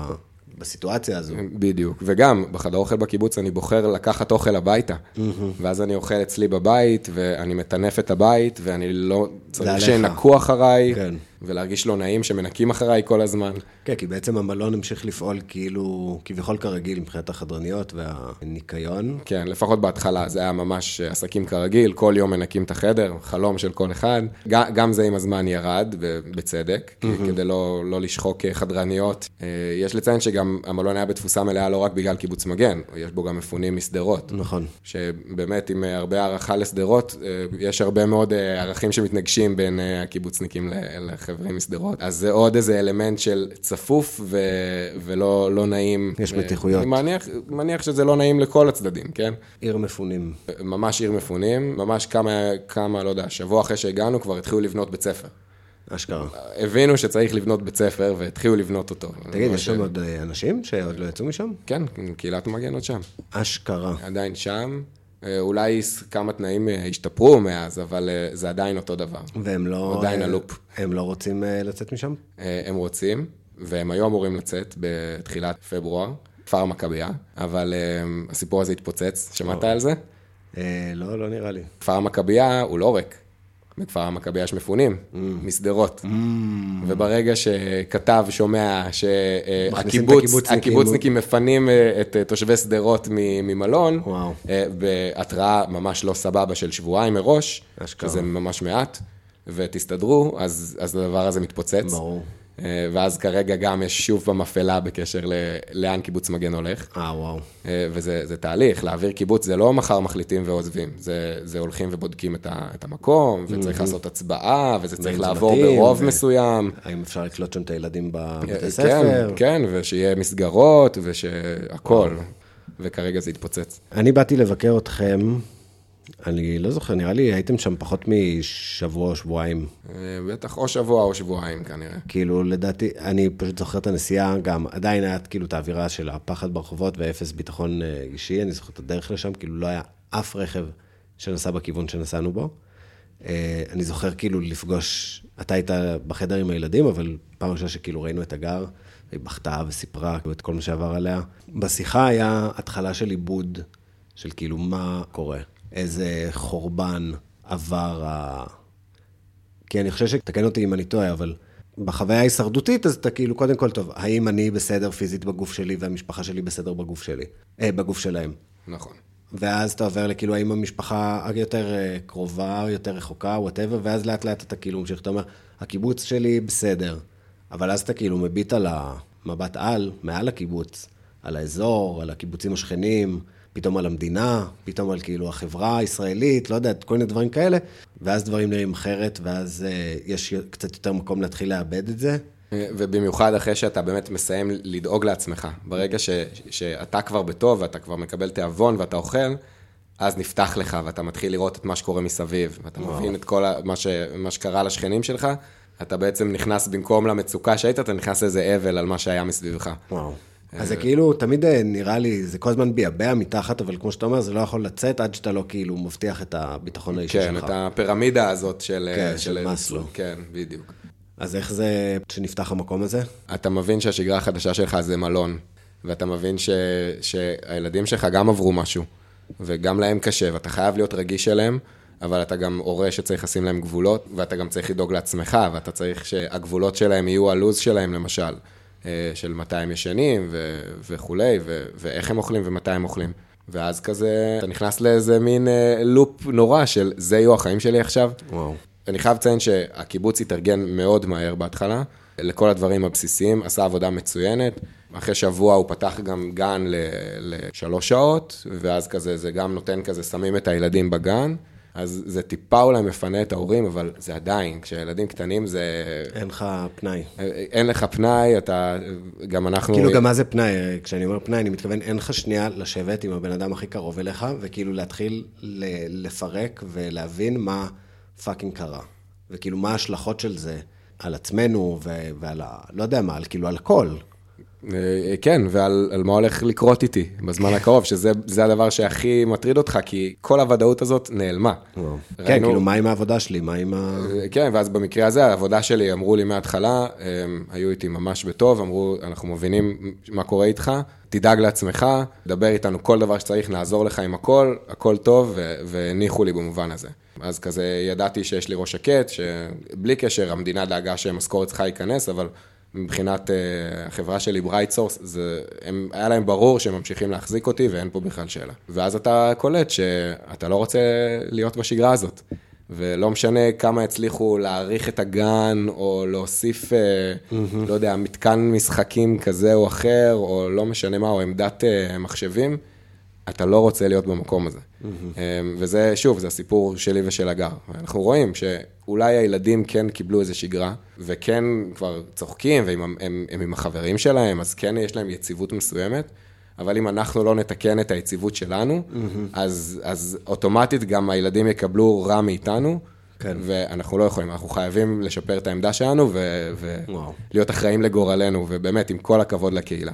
עוד uh, קצת תובנות uh, מהמלון ומהמצוקה שאנחנו הרגשנו בתוכו. רגע, אז בוא נגיד, uh, כאילו אתה מתחיל, מנסה למצוא את האחיזה, אבל במקום הכי נמוך בעולם, כאילו מקום מאוד... בדיוק ככה, ואתה כאילו רואה שהילדים נאחזים, אבל אתה קשה לך. אתה, אתה, אתה ממש עובד קשה בשביל להאחז, ואתה לא, לא מצליח כל כך.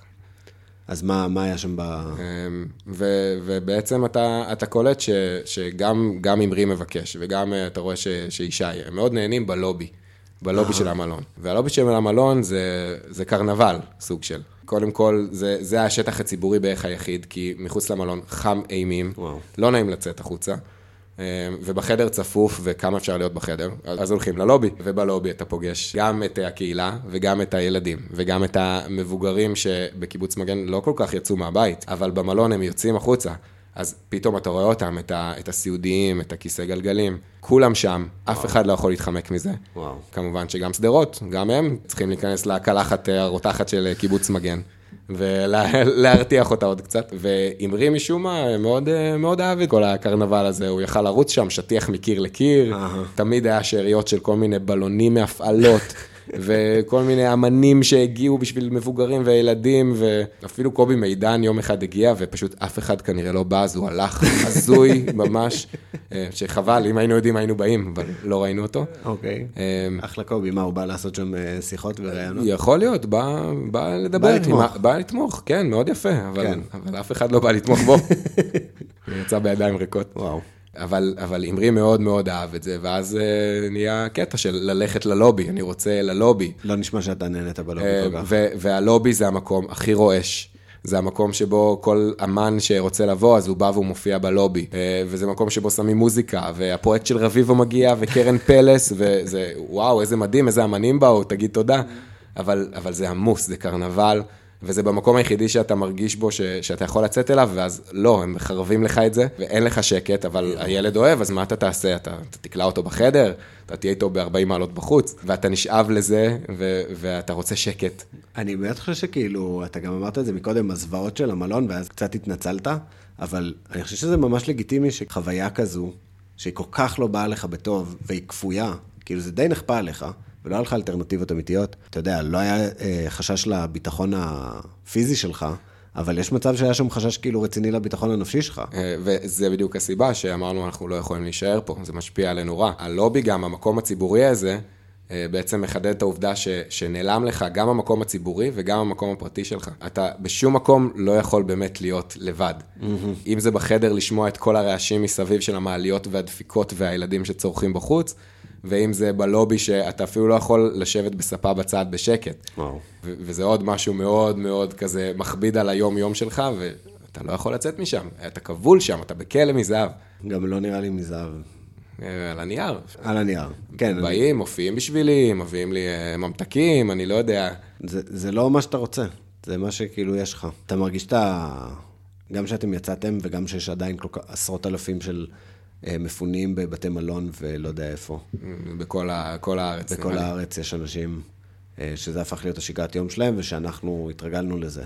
אתה באמת מתאר משהו שעוד היה בתנאים יחסית טובים, אבל כאילו באמת חוויה קשה. וזה גם משהו שכאילו, אתה יודע, יש כל כך הרבה זוועות שמתרחשות כל יום, שזה, הדבר הזה באמת, אני חושב, נדחק כאילו לשוליים, אבל זה, זה דבר... אתה מזכיר שעדיין יש אנשים שחיים את הלופ הזה. כן. אה, זה אנשים שאם עושים את הכביסה של עצמם, אז זה כי הביאו להם מכונות כביסה ושמו בכל קומה במלון, אז הם, הם ממש נלחמים על...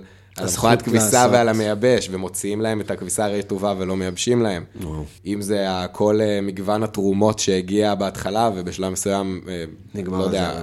גם נגמר, וגם אתה אומר, די, אני לא רוצה להיות נזקק. כן. אני רוצה אה, לקנות את הדברים שלי, אני רוצה להחליט מה אני אוכל, אני רוצה להחליט איזה ריח יהיה לכביסה שלי, אני, אני רוצה להחליט מתי אני מכבס את הכביסה שלי. יואו. זה הדברים הקטנים האלה שפשוט לקחו ממך כל טיפה של, אה, של עצמאות. כשאתה משלם על מלון ואתה בוחר לעשות את זה שלושה ימים, אז אתה מבסוט. כן. אבל כשכופים את זה עליך, אתה, אתה מאבד את זה. אז uh, כמה זמן הייתם בים המלח סך הכל? אז סך הכל היינו שם בערך חודש. אחרי השבוע הראשון החלטנו שאנחנו לא נשארים שם. תוך כזה יומיים כזה, הגר התחילה להניע את זה, ו- ולשאול בכל מיני מקומות, אה, קיבוצים בעיקר, איפה יכולים לקבל אותנו ואת הילדים במסגרות חינוך. זה היה כזה הגיידליין. ואז גם אתה שם לב שברגע שאתה החלטת את זה, אתה משהו משתחרר. אז לוקח בעלות. כן, הזוועות במרכאות, אני לא, סליחה שאני מגזים, אבל כן. כל הדברים שאתה לא אוהב במלון, פתאום טיפה מקבלים קלילות, כי אתה יודע ש- שיש שאתה לזה עוזב סוף. את זה בקרוב. אתה מאוד לא נהנית במלון. אה, ממש לא. אה, גם, זה, זה לא המקום שהייתי בוחר לעשות בו חופשה, גם בלי הילדים לא, שלי. לגמרי, אה, אמרנו, אבל גם צריך להגיד שהייתם ארבעה אנשים בתוך חדר אחד במלון, כאילו מיטה זוגית ועוד ספאפה מפתחת, ספאפה נפתחת ועוד ארס- הריסה בצד, שירותים אחד. כן, ששוטפים מן הסתם את הבקבוקים ואת הכלים כן, שהבאנו איתנו להיות לילדים. כאילו המטבח, וכן, כן, זה היה מאוד, מאוד קשוח, כאילו אני זוכר שכשבאנו לבקר אתכם שם, עוד פעם, שמחנו מאוד לראות שאתם בסדר, ו- ושאתם בחיים ומחייכים ולא יודע מה, ו- והילדים חמודים, אבל, אבל זו הייתה חוויה מאוד לא פשוטה, כי אני אומר, כאילו, זה... עזוב את האסתטיקה, שזה מלון מוזר ב-80's, זה... זה מלון- מחנה פליטים. כן, מלון אנג'וי, למי שרוצה להתרשם. כן, הם לא, לא אה, יקבלו מזה. הצוות היה מדהים. לא, אני בטוח, אבל זה מחנה פליטים. אבל זה מחנה פליטים. זה מחנה אה, פליטים שלא ברמה- נראה כמו מחנה פליטים. ברמה מאוד גבוהה, שנותנים לך את כל מה שאתה צריך, אבל זה מחנה פליטים. במובן המהותי, זה מקום שריכזו בו אנשים שכבר לא יכולים להגיע לבית שלהם, וזה דבר מטורף. אתה לא מבין את זה, כי אתה בא לבקר כאילו את החברים שלך, והחברים שלך מבסוטים כי הם בחיים ולא קרה להם משהו יותר נורא, אבל זה, זה מה שזה. כמו שאתה אומר, אתה חיית ממזוודה שארזת לשבוע, במשך חודש. אה, וגם אה, מעניין אותי לשאול אותך, כאילו, אם ההחלטה הזו לעזוב את הקהילה אחרי חודש ולמצוא, לשפר עמדות, כמו שאמרת, אתה חושב שזה קשור לזה שגרתם בירושלים, עברתם, כאילו, אתה מבין, היה איזה תנועה בחיים שלכם? ח- חד משמעית, כן. כאילו, אנחנו נכנסנו אה, לקליטה בקיבוץ רק ב- בספטמבר, זאת אומרת, היינו חודש בקליטה. וואו. ואם גם אני חושב שאתם צריכים מסתכלים... לקבל אה, תעודת כבוד, אבל אחרי הקיצור תהליכים. ממש. או, הקפאה ו... זה הזמן יגיד, אנחנו, כן. אנחנו באמת, אה, אנחנו מאמינים בקהילה ואנחנו גם חושבים איך אנחנו יכולים לעזור כדי שזה יקרה. הבנו שלהיות פסיביים פה לא יעזור לנו. אז התחלתם לעשות שופינג למקומות הבאים? כן, התחלנו אה, להניע קשרים, להבין באיזה קיבוץ יכולים לקלוט אותנו, ובסוף אה, הצלחנו למצוא בנצר סירני, באו ממש לקראתנו. קיבוץ אה, בוכנוולד, מי, ש... בוכנוולד, מי שמכיר, מכיר. אה, יש אנדרטה מאוד יפה, מי שרוצה לבוא לראות. באנו לשם כדי שיתרשמו מאיתנו קודם כל, הבינו לגמרי את המצב, הבינו שצריכים לתת לנו סוג של אה, חוזה, אה, אבל שיהיה גמיש. גמיש, גם שייתן לנו מספיק זמן עד סוף שנה, אבל גם שייתן לנו את האפשרות לחזור, ברג... לחזור למגן ברגע שנרצה, אה, ולא להיות כאילו כבולים לאיזה חוזה דירה או משהו. באמת היה להם שם, גם הגמישו את המערכת חינוך כדי שנוכל להכניס את הילדים, וגם נתנו לנו דירת אה, רוח שהיא כבר אה, מרועטת, אז נכון, הבאנו ציוד אה, ממגן, אבל הרוב היה מקרר, אה, אתם תנור. המפונים היחידים בקיבוץ? בגדול, כן, אנחנו, אנחנו המפונים. ואתה כתבת את זה בנושאים בתור אקסודוס. כן, ככה זה הרגיש? זה היה סוג של אה, יציאה כזה של יומיים, שקודם כל היינו צריכים לחזור להביא ציוד מקיבוץ מגן, וזה היה באמת סרט בפני עצמו. וזו הייתה הפעם הראשונה שאתם חוזרים בעצם מאז ה-7 באוקטובר. זה הפעם הראשונה שאנחנו חוזרים, וחשוב לציין שלא עזב אותנו גם כל המחשבה שהשארנו את החתול שלנו בבית. אה, הוא לא, הוא לא עזב אותנו במחשבות, אבל כמובן אמרנו, לא יכלנו לעשות שום דבר אחר. אה, כיתת כהנות האכילה אותו, אבל אה, הוא היה בחוץ בתופת. וואו. אה, וכבר בדרך אמרנו שכעיקרון לא נחפש אותו, נעביר רק ציוד, אבל אם אנחנו רואים אותו, אנחנו לא יכולים להפקיר אותו שוב. אם אנחנו פוגשים אותו, הוא עובר לנצר סירני. יצאנו אה, ליום שלם, ההורים של הגר הגיעו אה, לשמור על הילדים, מתקרבים כבר לאזור, זה מתחיל להיות כזה קצת אה, הרגשה, כן, שורט, זה האזור המוכר, אבל, אבל זה אזור מלחמה, יחסית אה, חודש אחרי, שזה עוד די טרי. וכאילו עדיין יש לך, רצ... רצים לך בראש התמונות של כאילו היציאה של כל הרכבים השרופים. וה... לגמרי, ו- ומחסום אה, בצומת אה, מעון, שזה צומת ממש אה, קרוב למגן, וזה מין הרגשה כזה שהכבישים גמורים, כי נסעו עליהם עם נגמשים ועם טנקים ומלוכלכים. והיה איזה סופה גם יום לפני של מזג האוויר, אז כזה רוחות חזקות ועצים ש, שכזה נשברו ונפלו, וכל כזה יותר אפור ופחות ירוק בעצים מסביב.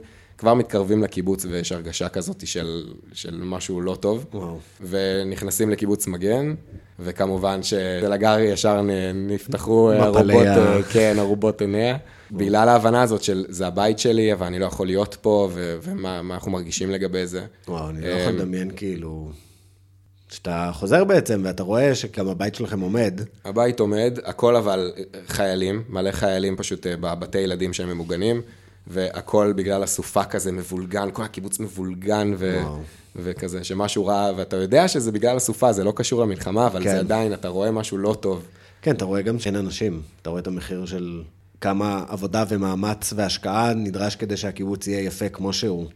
וכשאתה מוציא את האנשים משם, זה הופך להיות סתם מקום. אה, כן, כאילו עשבייה ו... כן. ו... וריק מתוכן, ממש ככה.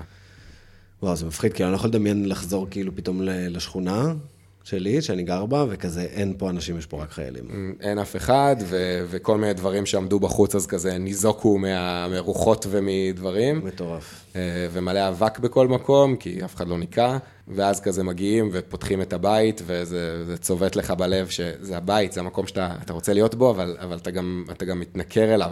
אתה מבין שאתה לא יכול להיות, אז אתה דוחק אותו הצידה. וואו. אתה אומר, אני באתי רק בשביל לקחת דברים, אתה מכין קפה כדי להרגיש כזה, עשיתי קפה בבית שלי, אבל אבל אתה לא יכול, כי- כן, זה בית בלי תחושה של בית. כן, ואז זה, זה גם, אבל זה חודר, ואתה, וזה עושה אותך עצוב ובהלם, ו... וואו. ואתה קצת מתאבל על זה, כי אתה רואה אותו והוא שם, אבל אתה לא יכול להיות בו. ואתה גם יודע שאתה לא תהיה בו, אתה לא יודע כמה זמן יודע- לא תהיה בו, אבל... כן. אה, ו- וגם, אתה אומר, אוקיי, אני עם ילדים, אז את הילדים אני בטוח לא יכול להחזיר לפה, אז זה עוד יותר אה, הולך להימשך. ואז אנחנו גם שומעים אה, יללה. אה, מחוץ, ל... מחוץ לבית, ליד השכנים, וזה כמובן גיטל החתול שלנו, שחיכה שם באורך פלא, כי הוא כן חתול שמסתובב והולך לבקר אצל ההורים שלי בקיבוץ, אבל הוא, הוא חיכה לנו משום מה, כעס עלינו מאוד, לא רצה שניגע בו, אבל גם לא ברח. הוא, הוא ממש אה, עשה לנו פסט, מה שנקרא, אבל, אבל נשאר באזור. שמנו לו אוכל וקלטנו שגם התנפחה לו מאוד מאוד הרגל. אה, כנראה מדלקת, זיהום, כן. זיהום, אולי אה, הוא רב עם חתול אחר, וממש הזדהם לו והתנפח. אה, ואז עוד יותר אמרנו, אין סיכוי שהוא נשאר פה, מצילים את החתול, ומתחילים להעמיס, ומתחילים להבין מה אנחנו רוצים, ו- ואיך אנחנו הופכים את הבית החדש שלנו לבית שאהבנו. הבאנו את השטיח בחדר של הילדים, ואת הפוף, ואת המיטה של אמרי. טוב, כבר ידעתם בעצם שאתם עוברים למקום חדש ואתם צריכים לרהט. אה, כן, ולרהט ככה שיהיה לנו נוח, ושהילדים ירגישו את הציוד שלהם בבית, את המשחקים שלהם. כן, זה כאילו כל הזמן, אני חוזר לזה שאתה... שנים קריטיות בחיים של ילד, וכאילו fucking מיטלטל מפה לשם ועובר את הכי... אני גם יודע שאתם עושים את הכי טוב שלכם, אבל כאילו איזה עוד ממד של לחץ, כאילו בטח יש עליך. אתה לא רוצה לפגוע בהם בשום צורה, אתה רוצה שיהיה להם טוב, והם לא יכולים להגיד מה מפריע להם. הם אפילו לא יודעים מה מפריע להם, הם לא מבינים מה קורה, והם לא יכולים לשאול אותך מה קורה מסביב. וואו. אז, אה, אז אתה מנסה ליצור בשבילם לפחות אה, את ההרגשה הכי נוחה, הכי נעימה. אז אספתם הכל, אה, להעמיס את האוטו ממש עד אפס מקום. כאילו, היו, אני נהגתי והיה ציוד על הגר, בקטע כזה. ומשם לנצר סרני? לפרוק? ו- ומשם לפרוק, ב- בנצר סרני, ממש עשינו יום שלם כזה, זה, לא זוכר, זה היה איזה 500 ומשהו קילומטר. וואו. כן, של, אה, של עבודה, של עבודה ועבודה רגשית כמובן. ו... כן. ומצד שני, באמת נשמע שכל הזמן יש לך כאילו הרבה דברים שדוחפים אותך, ונותנים לך אנרגיה, כאילו גם שלום הילדים שלך, וגם הרצון להמשיך הלאה, וגם הרצון לצאת מים המלח. כן, להתחיל כאילו לאיזה שגרה, לעבוד. ובדיוק, ואז זה מגיע למקום הזה של, ה, של העבודה, שציינתי קודם. אמ, שהידיעה הזאת שאתה אתה חוזר לא, לאיזה, לא יודע, נדבך מהחיים שלך, שהוא כן, הוא כולל את העבודה. הוא כולל את הראש שהולך לעשות משהו אחר. במקרה שלי כמתכנת, אני, אני כל יום שלי זה יום חדש, אני עושה משהו אחר. אה, אני מנסה לבנות משהו חדש, פותר בעיות שונות. אז, אמ, אז זה משהו שהוא הוא פשוט מסיט אותך מה, כן. מהיום-יום שאתה לא רוצה להישאב אליו. למרות שכאילו אתה במשך איזה... אתה מבין, אתה גם פתרת בעיות. אה, בעיות אחרות אה, מאוד. כן, וזה- וזה זה בעיות אה, מאוד אה, קיצוניות, זה... שאתה כאילו, אתה לא רוצה להמשיך אה, לפתור אותם כן, כל הזמן. אתה, אתה לא נהנה מזה, בדיוק, אתה, אתה, אתה פותר אותם בשביל לא לסבול. ועכשיו כאילו נצר סרני זה די במרכז הארץ. אה, כן, זה חוויה בפני עצמה, שלקחת את שני הקיבוצניקים מהפריפריה ולהכניס אותם. אה, תשמע, תשאל תל אביבי, הוא יגיד לך ש... שאתה לא במרכז הארץ, כן. אבל מבחינתנו זה מספיק, אתה יוצא לבאר יעקב, שזאת עיר, אתה, אתה במרכז הארץ, אתה יוצא תשמע. מהקיבוץ. מקומות שאני בחיים לא הייתי בהם עד שלא באתי לבקר אותך. אה, גם אני. זה כאילו, גם אמרתי לך, זה המקומות שאתה טס מעליהם ב- לפני שאתה נוחת בנתב"ג, זה לא כאילו מקומות אמיתיים, זה תפאורה. אה, באר יעקב, ומה עוד יש שם? נס ציונה, נס ציונה. רמלה, לוד, אה, רחובות. רחובות. זה אחלה, רחובות, סבבה. אבל אה, באר יעקב ו- ונס ציונה, המקומות שבחיים לא הייתי בהם. לא יכול להגיד שאני מבין גדול. אה, אתה יודע, קניון פה. אה, כן, לא, מאוד אה, בנק. ישראלי כאילו, מאוד... אה, אבל הבית שלכם בקיבוץ מאוד אה, מתוק, הוא נראה כמו בית של אה, פרסומת של קוטג'. אה, כן, זה מהבתים הישנים של, אה, של פעם, גם אה, קיבוץ אה, בוכנוולד, אה, זה בטח סטייל כזה יותר גרמני. אה, בית ישן, אבל לגמרי עונה על הצרכים, מוכר. אז כמה זמן אתם אה, כבר שם? אה, אני חושב שכבר יותר מחודשיים. וואלה. אה, תקופה יותר, יותר ארוכה ממה שהיינו במלון. פשוט, אשכרה. אה, המלון פשוט השאיר צלקת מאוד, מאוד גדולה אני- מבחינתנו. כל יום היה יום כאילו, ו... כל יום היה יום, וכל יום היה יום על מחשבות מתי אנחנו הולכים מפה, והמעלית נתקעת, ואני לא רוצה עכשיו לעלות ולרדת, ו... ואין שגרה כאילו שהיא... כאילו בעצם זה שאתה נמצא במקום שפינו אותך אליו, אז אתה כאילו קצת ממשיך כל הזמן את התנועה הזו. אתה מוקף באנשים שפונו, אתה חלק עדיין מהדבר הזה. כן, אי אפשר להתחמק מזה, אם זה בשיח, ואם זה באנשים שאתה רואה. כן, אתה מוקף באנשים... אתה ממש תקוע ב-7 באוקטובר, ואין לך שום סיכוי לצאת משם. אה, אני, באופי שלי גם, אני, אני כזה, אני מתאר את, ה, את החיים שלי, כמו איזה אה, גרף, סליחה אם אה, מישהו קשה לו קצת עם, אה, עם אה, מתמטיקה, אבל תדמיינו גרף XY הכי פשוט שיש, אה, ועם גרף שהוא, אה, אני משתדל שהוא יהיה במין עלייה מתמדת ומינורית. אה, לא משהו משתולל, בלי עליות גדולות ונפילות, הכל באזור הפלוס, אה, בשאיפה שהוא תמיד יעלה. זה, זה משהו גם באופי שלי, וגם אני חושב ש, שזה זה מחזיק אותי, זה אני. והתקופה הזאתי, ו, על הגרף שלך. ואז זה גרף שמאוד קשה להזיז, אז, אז אני מאמין שבגלל זה אה, דברים כזה אה, די, די נשארו, אבל, אבל זה כן אה, הציף בי המון דברים. אה, חייב להגיד שגם גם שני הילדים אה, פתחו לי את כל הדבר הזה. אה, אם לפני ילדים הייתי יותר כהה במנעד הרגשי, אז הילדים כן פתחו. כי פתאום אתה מרגיש משהו מאוד גדול כלפי אה, לא רק האהובה שלך בת הזוג, אלא מישהו שאתה ממש אחראי עליו, כן. ואתה צריך לשמור עליו. ושתלויים בך כאילו. והם תלויים, והם גם כל כך מחזירים לך, וכל כך כזה נותנים לך, אה, פשוט כי אתה אבא שלהם, וזה זה הטבע שלהם. אוקיי, אני אשאל אותך ככה, אחרי שסיימת את ה... לתאר, קודם כל אתה מרגיש שתיארת פחות או יותר מה מה עבר עליך? נראה לי שכן. אה, אני לא יודע אם זה, זה, זה פרטים די יבשים. זה, זה, לא, זה אולי לא מתאר את מה ש, שהתחולל בפנים, בגלל זה אני בא להגיד שמה שהתחולל בפנים הוא, הוא אולי סוג של הדחקה, בגלל הא- האופי שלי. אבל כנראה ש, שזה כן, זה השפיע. זה, זה השפיע על התודעה שלי, זה השפיע על מה שאני חושב, על, ה, על איך שאני מתכנן את הדברים קדימה. אני רוצה לשאול כאילו, כשאתה, עכשיו שסיפרת כאילו את הפרטים של מה שקרה, אתה מצליח להבין שזה כאילו קרה לך? שזה הסיפור שלך? כן, כן. כי הייתי בתוך הסיפור הזה ממש, ו- והסתכלתי עליו במקום שהוא פחות רגשי. ועכשיו כשאתה מספר אותו? אה, אני כן מרגיש שזה זה מחזיר אותי למקומות האלה קצת. Uh-huh. זה, זה כן כזה מציף לי את מי היינו שם, ואיך התמודדנו, ובפרט על איך אני הייתי, ולא יודע, איך ניסיתי אולי להיראות. זה מאוד הגיוני ומאוד טבעי שלא תחזור לשם מיוזמתך, כאילו, למקומות הכואבים האלה. וגם אמרתי לך מקודם, כאילו, שאתה אמיץ בטירוף בעיניי, שאתה בא ואתה מדבר על זה, אה, כי מאוד קל להמשיך הלאה ו- ולהיות בתודעה הזו של כאילו, לא, לא, אני צריך לדאוג לזה ולדאוג לזה, וכל הזמן כאילו לדאוג, או תמיד להיות כזה, אני מסתכל קדימה, אני, מה שקרה לא חשוב, כאילו גם נראה לי יש בזה משהו מאוד קיבוצניקי, במובנים מסוימים. להמשיך הלאה. כן, בוא נמשיך הלאה. יש... בקטנה. יש, יש מטרות בעתיד, ויש דברים, סליחה, יש דברים יותר חשובים כאילו להתעסק בהם עכשיו, אה, ודווקא המבט הזה לעצור ולספר, הוא נראה לי מאוד חשוב מבחינה נפשית, אבל גם לזיכרון שלך. קודם כל לתעד, שיהיה לך כאילו איזה משהו שאתה תוכל לזכור, אתה מבין? כאילו עכשיו יש לך את זה מוקלט. לשמוע אותו בקול צעיר. לגמרי, לא, אבל אה, סתם, לילדים שלך, הם ירצו לדעת מה קרה. ואז אתה תוכל לספר להם, אבל אתה גם תוכל, תקשיבו, יש הקלטה שעשיתי שלושה חודשים אחרי זה, שאני כאילו אה, יורד לפרטי פרטים. תראו כמה אכפת לי מכם. נכון. כמה אני אוהב אתכם. אה, אתה אמרת, כבר ידעת, אז אתה כאילו שתלת את זה פנימה. אה, בטח, זה אני בניתי פה סיפר מאוד, מאוד רציני. אז זה קודם כל, כאילו, באמת, כל הכבוד על האומץ ועל ההסכמה שלך לבוא ולעשות את זה. ומעניין אותי כאילו, זו שאלה אם נשמעת בראש שלי מטומטמת, אז יכול להיות שהיא מטומטמת, אבל כאילו, מה אתה מרגיש שלמדת מהחוויה הזו? נראה לי קודם כל, אה, למדתי על, ה, על החשיבות המשפחתית, וכמה זה, זה חשוב לי, אה, וכמה שאכפת לי, וכמה זה משפיע עליי רגשית.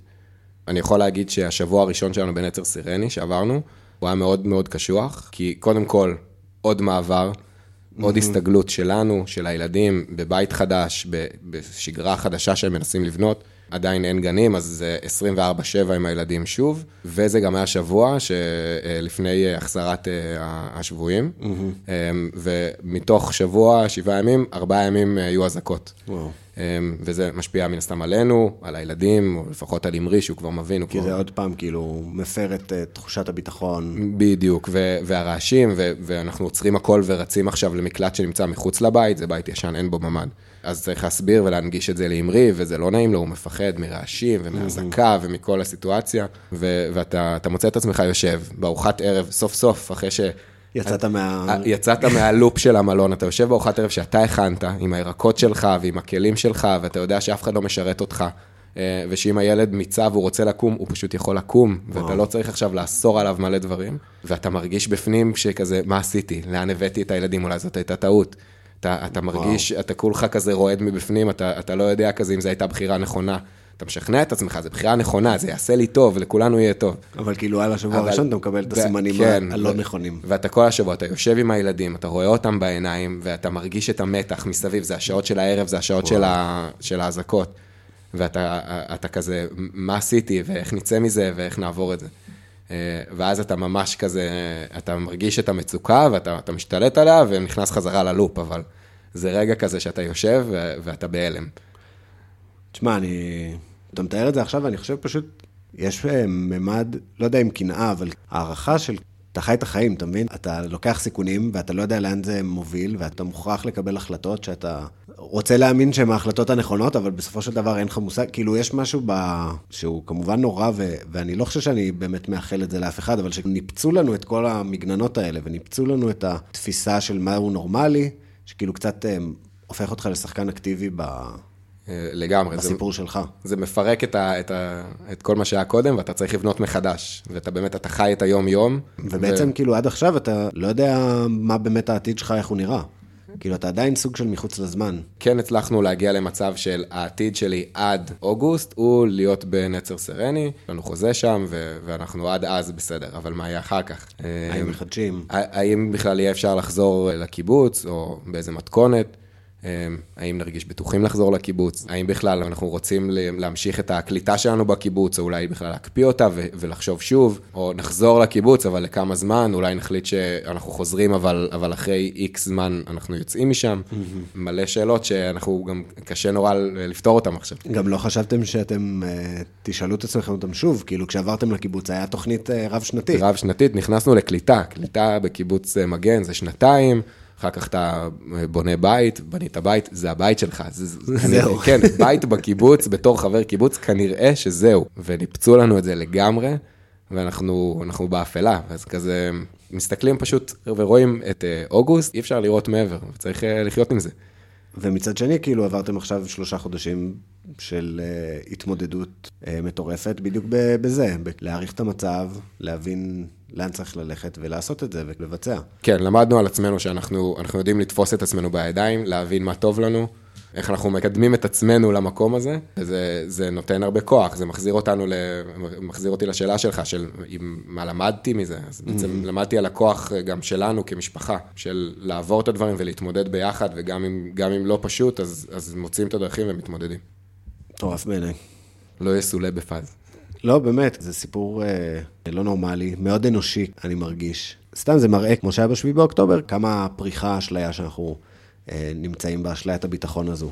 כאילו, ומה קורה כשהיא נסדקת, ובן אדם צריך להתמודד עם, ה, עם הדבר הזה. ולאן זה לוקח אותו, כאילו, לכל מיני מקומות וכיוונים ו, ומחשבות ובתי מלון שהוא לא חשב עליהם, ואיך בעצם זה באמת החומר שמעצב את, אה, את החיים של אנשים. אני חושב שכל החברה הישראלית, או כל האזור הזה, חווים משהו מאוד דומה. אתה יודע, אם פתאום אתה הולך למילואים למאה יום, זה, זה דבר מכונן בזהות שלך, אחר כך אתה לא חוזר בהכרח אותו דבר כמו שיצאת.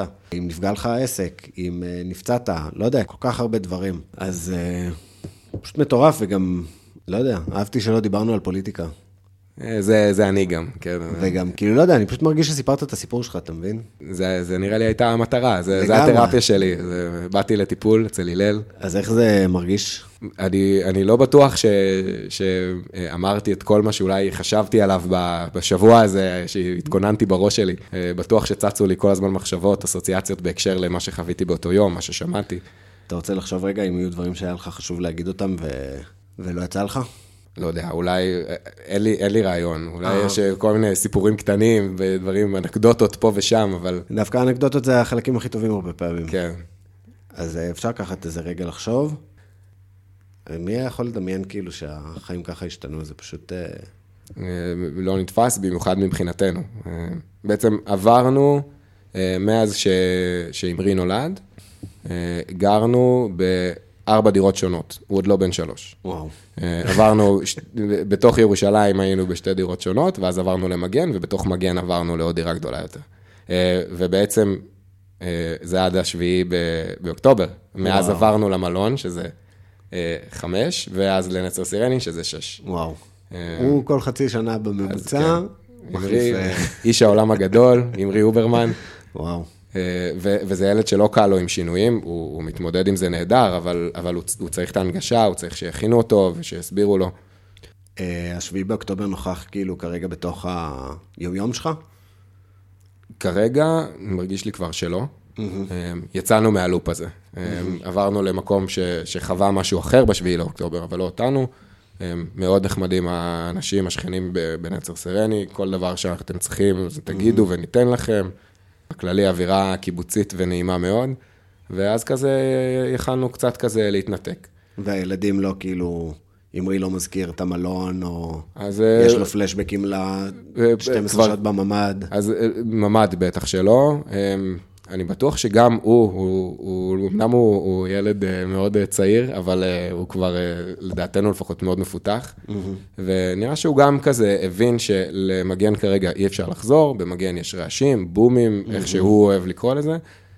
והוא לא שואל, הוא מדי פעם אומר שהוא נוסע עם הטרקטור לקיבוץ מגן או משהו כזה, אבל הוא לא, הוא לא שואל מתי חוזרים, הוא לא, הוא לא מזכיר דברים משם. זה מנגנון ש, שכולנו פיתחנו. לגמרי, גם אתה והגר? כאילו, אתם כבר לא מדברים... אז אנחנו, אנחנו כן, אה, כל, כל המעבר הזה אה, מאוד עז... חידד לנו, נגיד את זה ככה, כמה אה, טוב היה לנו בחיים שבחרנו בקיבוץ מגן. אה, הבחירה לעבור והבחירה לגור שם ולגדל את הילדים שם והשגרה שלנו, הבנו כמה טוב היה לנו. דיברנו על זה גם לפני, ידענו שטוב לנו, אבל זה חידד את זה עוד יותר.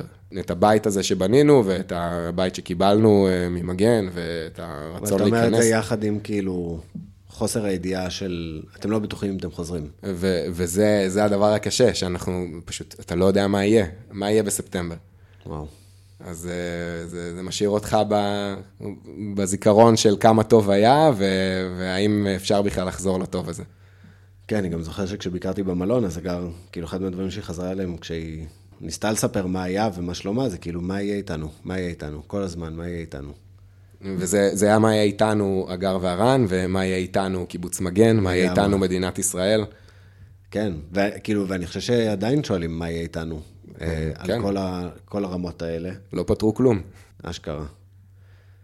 מה יהיה איתנו? אה, זה... בוא, בוא נקווה שבפרק הבא... בפרק הבא כבר נדע, וזה, תהיה כבר. יהיה פתור. ממש קשה. אמ, יש לך כעס? אני חושב שבהתחלה היה הרבה מאוד כעס, אבל כזה התנתקתי משם, יצאתי משם. אז, אה, אז אני בטוח ש, שאם אם תיקח אותי שוב, אז זה יחזיר את הכעס. אה, הכעס על, כמו שכולם אומרים, שוב, זה, זה שהפקירו אותנו, שיקרו לנו. אמרו לנו שהכל בסדר ו, ושום דבר לא היה בסדר. ו, ושוב, אז אוקיי, אני אכעס, ו... כן, זה לא... אה, זה, זה אולי היה בי בהתחלה איזה מין כזה הבנה של, אם אנחנו נכנסים עכשיו לאלמנט הפוליטי, של כזה, וואו, איך עד עכשיו הייתי אה, מרוכז בעצמי ובמשפחה שלי ב- לפני השביעי באוקטובר, ולא יצאתי להפגין. אה, כשאני אומר, כן, הכל שם רקוב, אבל אני מתרכז בעצמי ויהיה בסדר.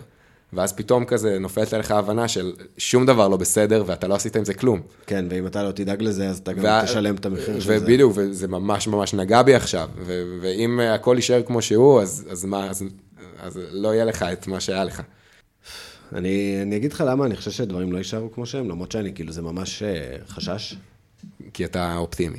לא. כי אני חושב ש... כאילו גם אני אופטימי, אבל גם אני חושב ש... עוד פעם, הפסיכוזה הישראלית, כשאתה שואל ישראלי ומה מה נשמע, אז הוא אומר, יהיה בסדר. ואתה יודע שהוא קצת משקר לעצמו, אבל גם קצת מאמין לעצמו. אני מרגיש שעכשיו, אם מישהו אומר יהיה בסדר, הוא כבר בעיקר משקר לעצמו. כאילו, זה, זה לא נאמר באותו... אני, אני לא חושב ששמעתי מישהו אומר את זה בשלושה חודשים האחרונים. כן, זה כאילו... זה... כי, כי לא בסדר ולא יהיה בסדר. יהיה משהו אחר. אני מאוד מקווה. אה, אני גם. אה, איזה מין אופטימיות גם, כ... באופן טבעי אני אופטימי, אני מאמין שאולי אה, זה יפתח את אה, דלתות השלום, אני לא יודע. אני, אמן. אה, שלום זה כאילו מרגיש לי כמו מילה כל כך מגונה להגיד, אבל, כן. אבל אני ממש מקווה. אמ, ו- ושוב, אני מאמין בתור אה, השכן של אה, רצועת אה, עזה. אנחנו צריכים שיהיה שם טוב, אם אנחנו לא רוצים שזה יחזור. אמ, וזה לא משנה כמה הם שונאים אותנו, והם שונאים אותנו. אה, אנחנו האויב שלהם, אבל אנחנו עדיין צריכים שיהיה להם טוב, כדי שהם לא יפנו את הכעס כלפינו. ואני מקווה שנצליח איכשהו לבנות את הטוב הזה שם, כי כרגע הכל הוחרב, ו- וכרגע טוב אין שם בכלל. כאילו, שוב, במלחמה אין מנצחים. לגמרי. אה, וזה ממש, רואים את זה בעין. טוב, תשמע, אני לא, כאילו, אני רוצה שנסיים את זה באיזה משהו אופטימי, אבל זו שיחה קשה. הרמה השחרה. אה, וואי! לא, לא חשבתי על זה, אפשר לחשוב על משהו. מה, בדוק, איך לא עשינו? גם לא עשיתי עם ברק נראה לי הרמה שלך. אבל זה כאילו... לא, אבל זה קונספט אחר. קונספט אחר. אה, כן, הרמה שלך, אתה רוצה לקחת רגע כן. לחשוב? וואו, בוא, בוא נחשוב על זה רגע. סבבה. טוב, אז אתה הזכרת לי שאני לא, שכחתי בכלל מהרמה השחרה, מהפינה היחידה והקבועה. אה, אז נראה לי השחרנו מספיק. השחרנו הרבה, אז אתה אמרת, אתה תוותר על ההשחרה? בוא, בוא נסיים במשהו קצת אולי יותר, יאללה. יותר שמח. תן לנו הרמה. אמ, אני פשוט כזה מעבה את אה, מה שאמרתי קודם, והייתי רוצה להרים, אה, אולי בפרט לחברה שלי, אבל באופן כללי אה, לעבודה. האמת שגם תספר על החברה שלך, זה מעניין. אמ, אז החברה שלי קוראים BrightSource. כל מי שנסע דרומה לכיוון אילת וראה את המגדל הזוהר שמואר על ידי עשרות אלפי מראות, אפשר לקרוא לזה, יש שם איזה 50 אלף. וואו. זה טכנולוגיה של BrightSource. מה שנקרא העין של סאורון. העין של סאורון בלב המדבר. BrightSource הם אחראים על המראות, ממש הפיתוח של המראה עצמה, היא נקראת הליוסטט, ועל הכוונון שלהם. אה, מערכת אה, מאוד מאוד אה, מתוחכמת במובן הזה שיש פה אלמנט של לואו-טק, כי, כי זה, יש לך מראה שיש לה איזה מנוע והיא זזה ימינה-שמאלה ו- וכולי, אבל יש פה הרבה מאוד בקרה ועניין של בטיחות תחנה, ו- וזה זה שווה הרבה כסף ואתה לא רוצה לשרוף שום דבר, ואתה רוצה לייצר כמה שיותר חשמל כדי לעשות כסף. אז זה מה שהחברה עושה. וכדי להציל את כדור הארץ, התחממות גלובלית, אנרגיות מתחדשות. לגמרי, כן. זה באמת, תגיד, זה באמת חלק מהאתוס או שזה... מילים חלק, שאומרים... זה חלק מהאתוס, לגמרי. אבל כאילו מאמינים בזה? אתה, אתה אומר, אה, אני עובד בחברה של אנרגיה ירוקה, אז אני, אני עושה טוב לעולם, זה, זה עוד בונוס של מה שאני עושה ביום-יום שלי. אמ, אבל מה שכן, אה, בנוסף, אה, החברה עושה איזה מין אה, הרחבה של, של תחום ההתעסקות שלה. אמ, בשביל לייעל רשתות של חשמל. אז סתם, מי שלא בעניינים, אמ, מתנהלת הפרטה, נקרא לזה, של אמ, ספקיות החשמל אה, בישראל. אמ, זה כבר לא רק חברת החשמל, יש לנו הרבה... מה, אה, עצמאיים? אה, יצרנים, בדיוק, יצרנים עצמאיים. אמ, אם זה בפרט בית אחד שיש בו קולט, בסדר, זה משהו קטן, אבל ממש... מוסדות ו... בדיוק, מוסדות, קיבוצים, עיירות, כל מיני... התאגדויות. כן. או חברות, ובעצם אפשר להסתכל עליהם כמו מה שנקרא מיקרו-גריד. Mm-hmm. ואז או שאתה צריך להתנהל פנימית אה, עם ייצור חשמל עצמי והגירה שלו, או שאתה רוצה גם לאגור ולמכור, ואז אתה עובד בין מיקרוגרידים שונים, ו- וכל המערכת הזאת היא חדשה לגמרי, זה אה, תחום חדש בעולם. וזה כבר קורה בישראל? אז זה, קודם כל, יש כאלה, אבל עוד אין מוצר ש- שעושה את האופטימיזציה כמו שאנחנו רוצים לתת. מגניב. אמ, עכשיו, זה לא, זה לא אופטימיזציה של, אה, כשהחשמל יקר תמכור, וכשהוא זול תקנה. Mm-hmm. אתה צריך להסתכל על מזג האוויר, ואתה תלוי בצריכה, בעונות השנה, אמ, במקום שאתה נמצא ו- וכולי, ולדעת גם אולי לטפל בבעיות, ממש לתת איזה ניתוח של המערכת וייעול שלה. זה, לשם העולם הולך. זה הכיוון. כן.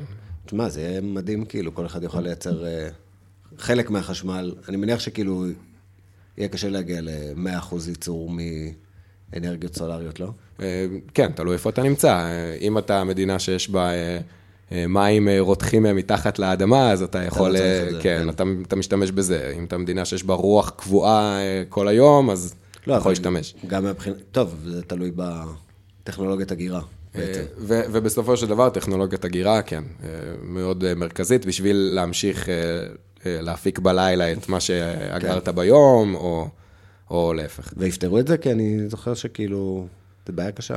אגירת אנרגיה. נראה לי שהשלב הבא, זה כבר לא קשור כאילו אליי, אבל uh, מי שרוצה לגגל היתוך uh, גרעיני, uh, ההפך מביקוע שזה אטום, uh, זה, מדברים על עוד 50 שנה כזה, אנרגיה נקייה, ירוקה, אה, שלום עולמי, בקיצור, אה, ממש ככה. אבל מה רצית להרים אה, למקום עבודה שלך? אז למקום עבודה בפרט, בגלל איך שהוא דאג לי, שאני אהיה בסדר, אבל פשוט הרגשתי את הצורך הזה של, של לעבוד. וזה ממש הפתיע אותי. בתור מישהו שכל חלומו היה לא לעבוד ולהמשיך להרוויח כסף, אז החלום התגשם. וזה לא היה, לא היה לא מתוק כל כך. זה לא היה מתוק ולא היה נוצץ, זה, זה התגשם בצורה ממש ממש עקומה ו, ונוראית, והבנתי שאני דווקא, אני כן רוצה את זה, אני כן רוצה את המקום שבו אמ, אני חוזר להיות אדון לעצמי, אני לא דואג לאף אחד אחר, חוץ מלעבודה שלי, שזה חלק מהמשחק. כן. משחק עכשיו באיזה משהו אחר, יש לי בעיות לפתור, אה, אני מעביר על זה את היום, אני גם עושה משהו בשביל מישהו אחר. שהוא לא אני, ואני מקבל תמורה מאוד מאוד יפה, כי אני עובד בהייטק, וזה ממש הפתיע אותי שאני נמצא במקום הזה. אם לפני זה החלום היה פשוט אה, לשבת בבית ולקרוא ספרים, ליהנות מאיזה כלום, אז, אז הבנתי שדווקא אני כן מפיק הרבה עניין ו... אני לא זוכר אם דיברתי על זה בפודקאסט בעבר או לא, אבל כל הקטע הזה של אה, עבודה משחררת, שהנאצים עשו לזה מיתוג ממש אה, בעייתי. כאילו לאיזו תפיסה פילוסופית די עמוקה, שכאילו אם תעבוד זה יביא לאיזשהו שחרור. אה, לא נראה לי מה שהם כיוונו כן. אליו בהכרח, אבל כאילו, יש משהו בעבודה שיכול לשחרר אותך מדברים מסוימים. וזה ממש, ממש היה זה. כל מי שעובד, תגידו תודה שיש לכם עבודה. תחבקו אותה. תחבקו אותה ותנו לה את המקום, את ה... מה זה? שליש מהיום שלכם, לגמרי. שליש מהזהות שלכם, אה, שם, ואומרים תודה על מה שיש. וואו, איזה מסר. כן, אני מצטער אם אני... לא. לא, אני, אני, אני אוהב. אה, כאילו גם מה שאני אוהב זה שזה מסר שהוא בא מ... ניכר שזה בן אדם עם... אה, אתה מדבר מתוך ניסיון. אתה מבין? כאילו, אתה היית במקום שבו העבודה באמת סיפקה לך איזה משהו, שאולי הבן אדם העובד הרגיל שלא חושב על זה, לא, לא מעריך. השגרה השוחקת שהייתה לפני, אה, קיבלה את המקום לשגרה הרצויה שאני מחפש אותה. וואו, זה, זה ממש אה, מאיר. כן. אה, טוב, נראה לי... בזה נסיים. אני רוצה להגיד לך עוד פעם, ממש תודה. אתה אני, אני, אודה גם, גם לך על הטיפול. אה, בכיף. אה, אני אתן לך את החשבונית אחר כך. אז תודה, תודה לכם שהאזנתם, מקווה שהיה לכם מעניין, אה, ונתראה בקרוב. להתראות.